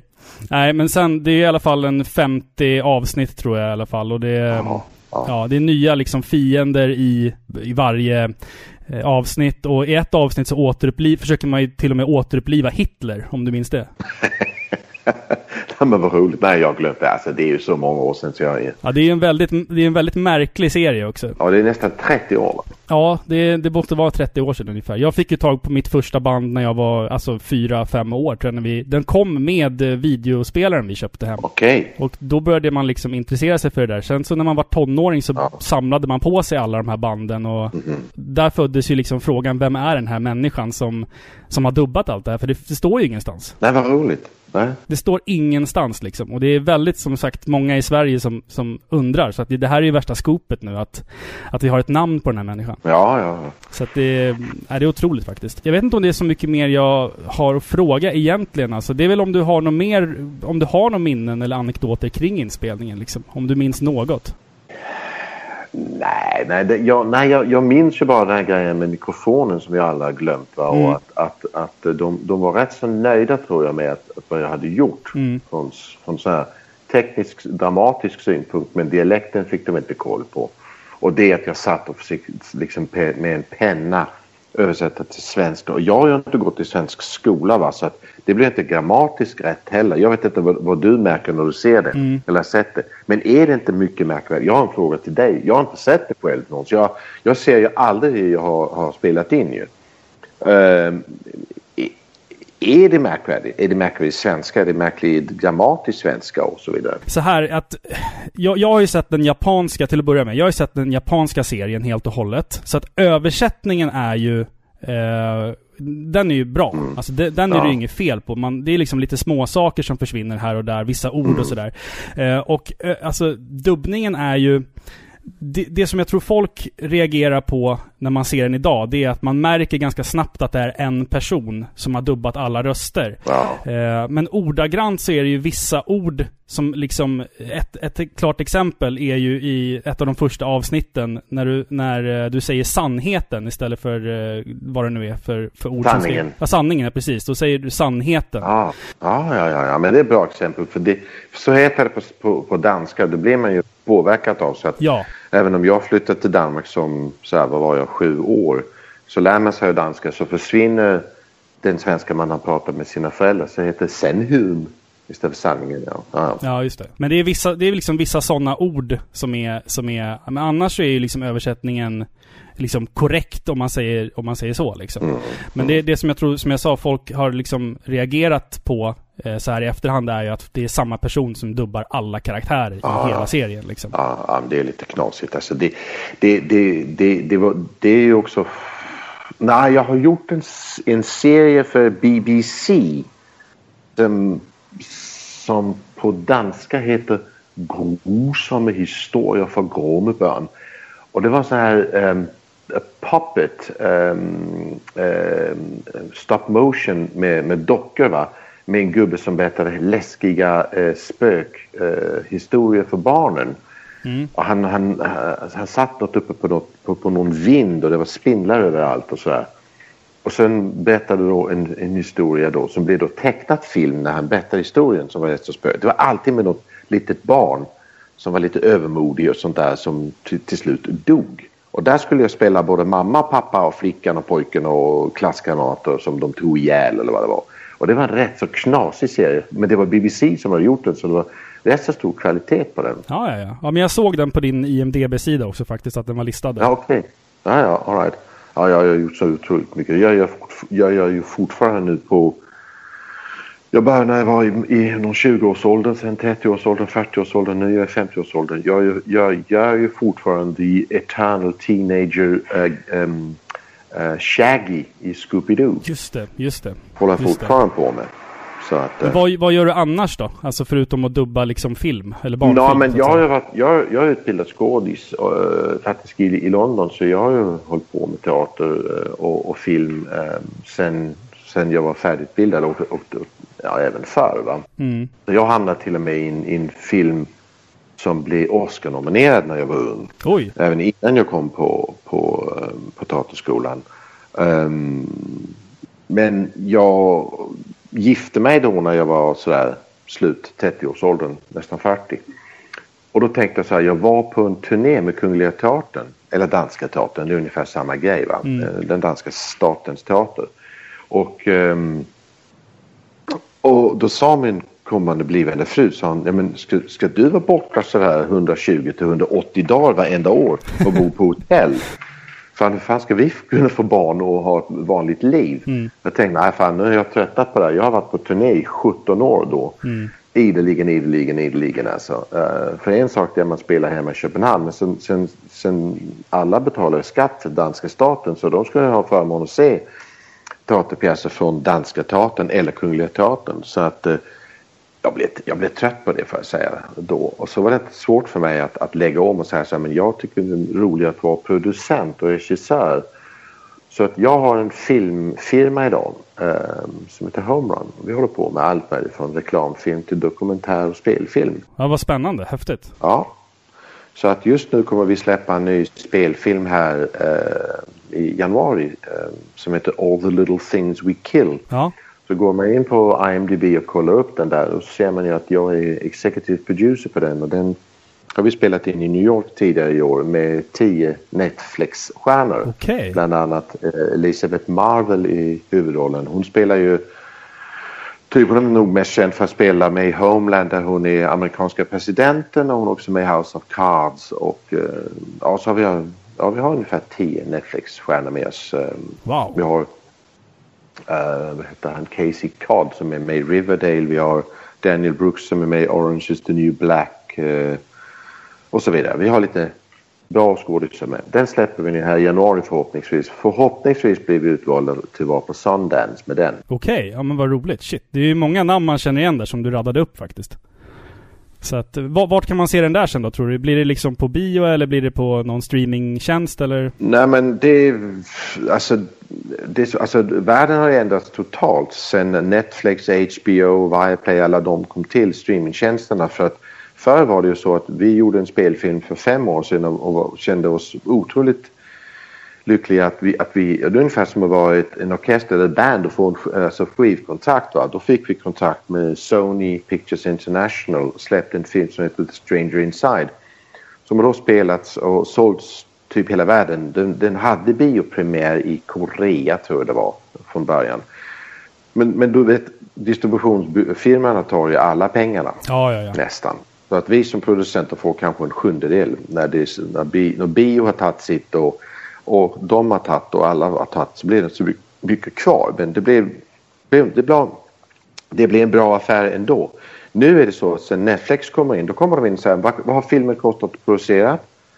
Ja, men det har kostat du vet 5 miljoner dollar. Ja men då ger vi typ gånger 3 gånger 4 gånger 5. Förra året på, på, på söndagen köpte de en film med två totalt no-name cast om en tjock teenager som, som skulle lära sig rappa någonstans i slummen i Detroit. Den producerades för en miljon dollar och de betalade dem 9,5 miljon dollar direkt. Oj, oj, oj. Tog den. Ja, och då vet du inte när de köper den då får du liksom så här, här pengarna, goodbye. Du är inte med på the royalty stream efteråt. Nej, nej, nej. Då, liksom, då får du betalning en gång. Och det är alltid frestande för att man har jobbat hela året. Mm. Släpp en film och om du då får din investering tillbaka gånger fyra på 12 månader. Det, det är ju, kan ju vara en bra affär. Absolut. Så vet du att pengarna har kommit in. Men de kan då välja då att släppa den på bio eh, några månader för att de vill ha nomineringar till priser typ Cannes, eh, Oscars, eh, Berlin och sånt där. Då måste den ha gått på bio. Okej, just det. Annars, annars räknas den inte som, som quality. Nej, jag förstår. Jag förstår. Så vi vet inte vem som kommer köpa den slutligen men eh, nu får vi se om vi blir utvalda till Sundance. Så det är ungefär där jag... Vi håller ögonen öppna helt enkelt. All right. Robin, det var mycket snacka med dig. Var det något annat du tänkte? Jag tänkte avsluta med att säga så här. Eh, vi är som sagt väldigt många nostalgiker här i Sverige som prisar den här dubbningen. Just för att den är så unik i sitt slag och det finns inte mycket som liknar den. Många som inte växte upp med den kanske ser den liksom som lite märklig. Men jag blir i alla fall extremt nostalgisk eh, när jag ser den och jag är otroligt, otroligt tacksam över att du tog dig tid att prata med mig. Och att jag jag har nu liksom löst gåtan vem du är. Så att eh, nu kan jag sova gott resten av mitt liv liksom. ja, då, då, får jag säga, då får jag hoppas jag kan sova gott resten av mitt liv. Ja, och vet du vad du borde göra efter det här? Du borde gå in på YouTube och sen så söker du på 009 på svenska och så tittar du liksom. Det finns några Ja, så här ihop, ihop, ihopklipp med alla Ja. svordomar och allt sånt där liksom. Jag ska se om jag kan locka mina barn dit för att eh, de, de dubbar båda två eh, Okej. på alla möjliga Disney-serier. Min, min, min yngre syster blir också skådis och har dubbat otroligt mycket. Ja, ja. Ehm, så vi är fyra stycken här i närmsta släkten som är dubbare. Um, och jag, de, de kom förbi tvn häromkvällen. De ser ju inte tv, alltså inte Flow TV. Och då gick det någon gammal dansk serie. Så pekade jag på den serien och sa så här. Ja men fan den gamla serien Hotellet den var jag med på då. Ja, än sen då liksom, vad fan skiter vi i pappa. Så att jag kan få sitta själv och kolla på Cyborg. Ja. Nej men Ja, jag, jag gör dig själv en tjänst och gör det liksom. Och eh, jag önskar dig all lycka till framöver och att jag får se ditt namn på någon Netflix-serie i framtiden här. All right, tack. Ja. Ha så gott. Tack så mycket för att du vill vara med. Hej du, hej. Tack, hej. hej. Oh. Alltså jag ryser! Det här är så stort! Okej, vi säger så här. Den svenska dubbaren av Syborg 009, Är Tim Merens. Tim Merens. Ja. Ja. Han är även som sagt då Rafael i den danska Turtles. Och Michelangelo. Och Michelangelo och numera Shredder. Alltså, Det är många som har gissat det här. Som har liksom känt Ja. på sig att det kanske är han. Men Ja. Nu har vi det banne mig bekräftat! yes sir. Bra jobbat! En high five på den! Tack. Vi, det är klart nu. Tim... Vänta, vi tar lite öl också. Vi tar lite skål på den. Tim dubbade alltså Cybernon 9 till svenska. Eh, jag är glad och stolt över att jag är den första som liksom får det bekräftat. Ja, Det, självklart. det, det, känns, det känns så här. Efter alla dessa år som har gått, det känns overkligt. Och det känns liksom som att, helt ärligt, det känns som att man numera kan sova gott om nätterna, som jag säger i intervjun. Alltså, det, det är liksom en, en sån enorm myt som till, slut har fått ett, som till slut har fått ett svar. Och han är så här, jag hade typ glömt bort att jag dubbade Ja, 09. ja men vad konstigt alltså. Tänk Men- att det kan vara så. Men jag hoppas nu att den här intervjun tar död på all skepsism som finns där ute. Man Och alla hör ju, mjukporrsfantasier. man hör att det är Tim som är Joe och de andra i 09. Det, Speciellt det, när han pratar om spökena på vinden. Ja, precis. Ja, det, är- alltså, det, det har aldrig varit tydligare. Tim är en otroligt trevlig person eh, som, som har många liksom, strängar på sin lyra. Han är idag en väldigt upptagen person. Eh, Att han tog sig tiden till att prata med dig är ju enormt kul. Och jag vet att Tim också har lovat att lyssna på det här avsnittet. Så att jag säger till dig Tim nu, från alla oss svenska Cyborg 09-fans, tack från djupet av vå- vårt hjärta för att vi nu kan slå hål på den här myten. Vi kan ta död på mysteriet. och gå vi, vidare Vi kan med gå våra vidare liv. med, med våra vuxna liv. Dubbaren till Cyborg 09 är funnen. Vi ska se till att ändra den där jävla Wikipedia-sidan nu Ja, så, att, så, att, så att det liksom står att vem som dubbar 09 är Tim Meres. Nu vet vi det liksom. Det, det känns otroligt märkligt, stort. Åh, det, nostalgin i mig liksom är på en sån extrem peak just nu. Att jag det, förstår det. det finns många avsnitt av den här podcasten som har betytt väldigt mycket för mig. Men jag tror ändå att det här avsnittet är det som betytt mest för mig. Jag växte upp med Cyborg 09. Jag har sett de här jävla VHS-banden hundratals gånger. Våran fyraåring är besatt av dessa filmer trots Ja, det är svordomarna. ju kul alltså. Men liksom att, att jag lekte Simon 09 när jag var liten, jag hade röda kläder, brorsan var likadan. Min, min lillebror är nog, om inte mer, liksom Besatt det här. besatt och insnöad på 09 som jag är. Det känns så jäkla skönt att äntligen ha ett svar på det här. Och att man kan... Fan, alltså det... Det Det finns ingen nostalgisk myt i mitt liv som betyder så här mycket som att ha fått det här svaret.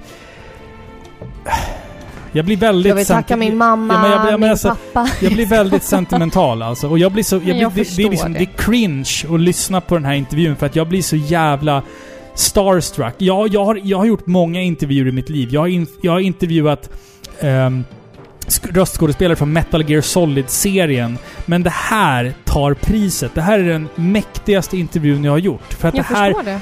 It Det här hits- är din barndom. It hits so close to home att det liksom är obehagligt. Och alla ni där ute, alla, alla Cyber 09-fans, svenska Cyber 09-fans. Det är fan, som du sa Filippa, det är tack vare er research som jag har plockat upp bitarna, lagt pusslet, hittat vägen och hittat Tim till slut. Det är en gemensam ansträngning. Det är en gemensam ans- ansträngning. Jag råkade bara snubbla över målsnöret, som man säger. Precis. Cyber 09-serien från 1979 är en serie som för alltid kommer betyda otroligt mycket för mig. Myten är nu död. Vi vet svaren. Det är en av de bästa anime-serierna jag har sett i hela mitt liv. På Ja. grund av nostalgiska skäl bara. Ja, alltså man kan inte annat än säga att det här, Cyber 009, är en serie som har påverkat enormt många människor. Utanför Sverige så är den ju väldigt känd för sin enormt snygga animation, sina välskrivna, varierade karaktärer och framför allt då för att vara i frontlinjen över de första anime-serierna. Så det är liksom en serie som har påverkat både spel, serier i generationer efter att den först släpptes. Och folk bokstavligen törstar efter flera olika adaptioner. Men här i Sverige, och speciellt för en liten pojke vid namn Robin, kom den att betyda ännu mer. Den blev liksom ett signum för din barndom. Den här Ja, verkligen. karaktäristiska, Verkligen. marschliknande introvinjetten, de färgglada, gula scarfarna. Du älskade den här serien. Jag gör det fortfarande. Jag har förstått det nu. Och det här har blivit ett livsuppdrag att en dag hitta och avslöja den stora frågan på vem den mystiska dubbaren var. Och nu har du gjort det. Det måste kännas så otroligt tillfredsställande och härligt. Jag är väldigt imponerad av dig. Men jag tvekade faktiskt inte en sekund på att du skulle lyckas. För att om någon skulle hitta honom så är det banne mig du Robin. Tack Filippa. Varsågod. Ja, det är... Det känns stort och jag tror, jag tror vi ska avsluta avsnittet här. Det, det, jag kan inte säga så mycket mer än det som redan är sagt. Det som gör den här serien är ju den svenska dubbningen. Det är en bra anime-serie i övrigt. Men framförallt så är ju det en barndomsserie som för mig hit close to home. Som jag sa. Och jag... Jag är liksom nästan i tårar nu. Det, det betytt så mycket för mig. Det här. De här jävla gamla videobanden som ligger här framför oss. Jag förstår Ja, det. och att nu äntligen kan slå död på, på hela 009 röstskådespelarmyten är um, banne mig fantastiskt mäktigt att sitta här och göra det. Ja, jag känner mig ärad över att ha fått göra det här avsnittet med dig. Ja, jag känner mig, jag känner mig ärad över att, över att jag har fått göra det här och att det är folk som lyssnar på det här avsnittet och eh, liksom... Alla vi svenska 009-fans där ute, fan... Bra jobbat! Bra allihopa. jobbat. Nu har vi löst den här gåtan en gång för alla. Liksom. Vart kan man hitta oss om man vill lyssna på mer tårdrypande avsnitt? Jag säger så här först och främst. Eh, Vill ni... Är ni svenska 009-fans och vill hitta fler så, så gå in på vår Facebook-sida eller Instagram-sida. ja, eller är ni nyfikna på ännu mer? Vill se mejlkonversationer eller Ja, vad ni nu absolut. vill? Hör av er bara av så, er. så får ni se. Absolut. Eh, Vill ni hitta andra svenska Cyber 09-fans, gå in på vår Instagram eller Facebook. För där är det ju andra som har skrivit eh, så att vi liksom kan bygga det här communityt ännu starkare. Vi är ju normaltvis en tv-spelspodcast som släpper ett avsnitt varannan vecka ungefär. Vi finns på videospelsklubben.se, Acast, iTunes och vill man oss något? Det är klart som fan ni vill Ja, men det är något. klart. Så, så eh, skicka ett mail till oss på paripixlar gmail.com Ja. Vi, vi är färdiga där. Vad ska vi göra nästa Ja. avsnitt? Det börjar ju nalkas jul. Ja, vi får se. Jag det vill blir, inte Nej, jag vågar inte säga, säga riktigt än, men vi har ju haft väldigt mycket sidequest på sistone. Det blir, det blir nog eh, någon, någonting spelrelaterat i alla fall nästa gång. Vi måste hitta, hitta tillbaka till tv-spelsrötterna, eller hur Filippa? Ja, men jag tror det. Ja. Röran måste besökas igen. Precis. Ja. Nej, men tack så jättemycket för att ni har lyssnat på Sveriges mest kärleksfulla tv-spelspodcast Par i pixlar. Vi ses nästa gång. Kantnålsfisk. Jag har ingen fisk där. Ah, Första jag gången jag inte har en fisk. Ja, du vann den här gången. Kantnålsfisk är väl Östersjöns lite tråkigare variant av sjöhästen? Jaha, okej. Nu har jag lärt dig något nytt. Men får, Ja. får, får man säga smörbult? Nej, du har redan sagt smörbult. Slamsugare? Du har redan sagt den. Nej, slamsugare. ja, men alltså. säg den då. Slamsugare. Slamsugare. Hörni, tack så jättemycket för att ni har lyssnat på Sveriges mest kärleksfulla tv-spel podcast Bara i pixlar. har redan Det, sagt det. det är för att de... Cyber 09, det betyder otroligt mycket för mig, detta. Puss och Det, kram! det, det, fi- det finns så mycket mer jag vill säga om Cyber 09, men vi hinner inte för vi har hållit på i två timmar nu. Så Ja, att det är puss och kram på er så länge. Puss och kram. Hej på er. Hej.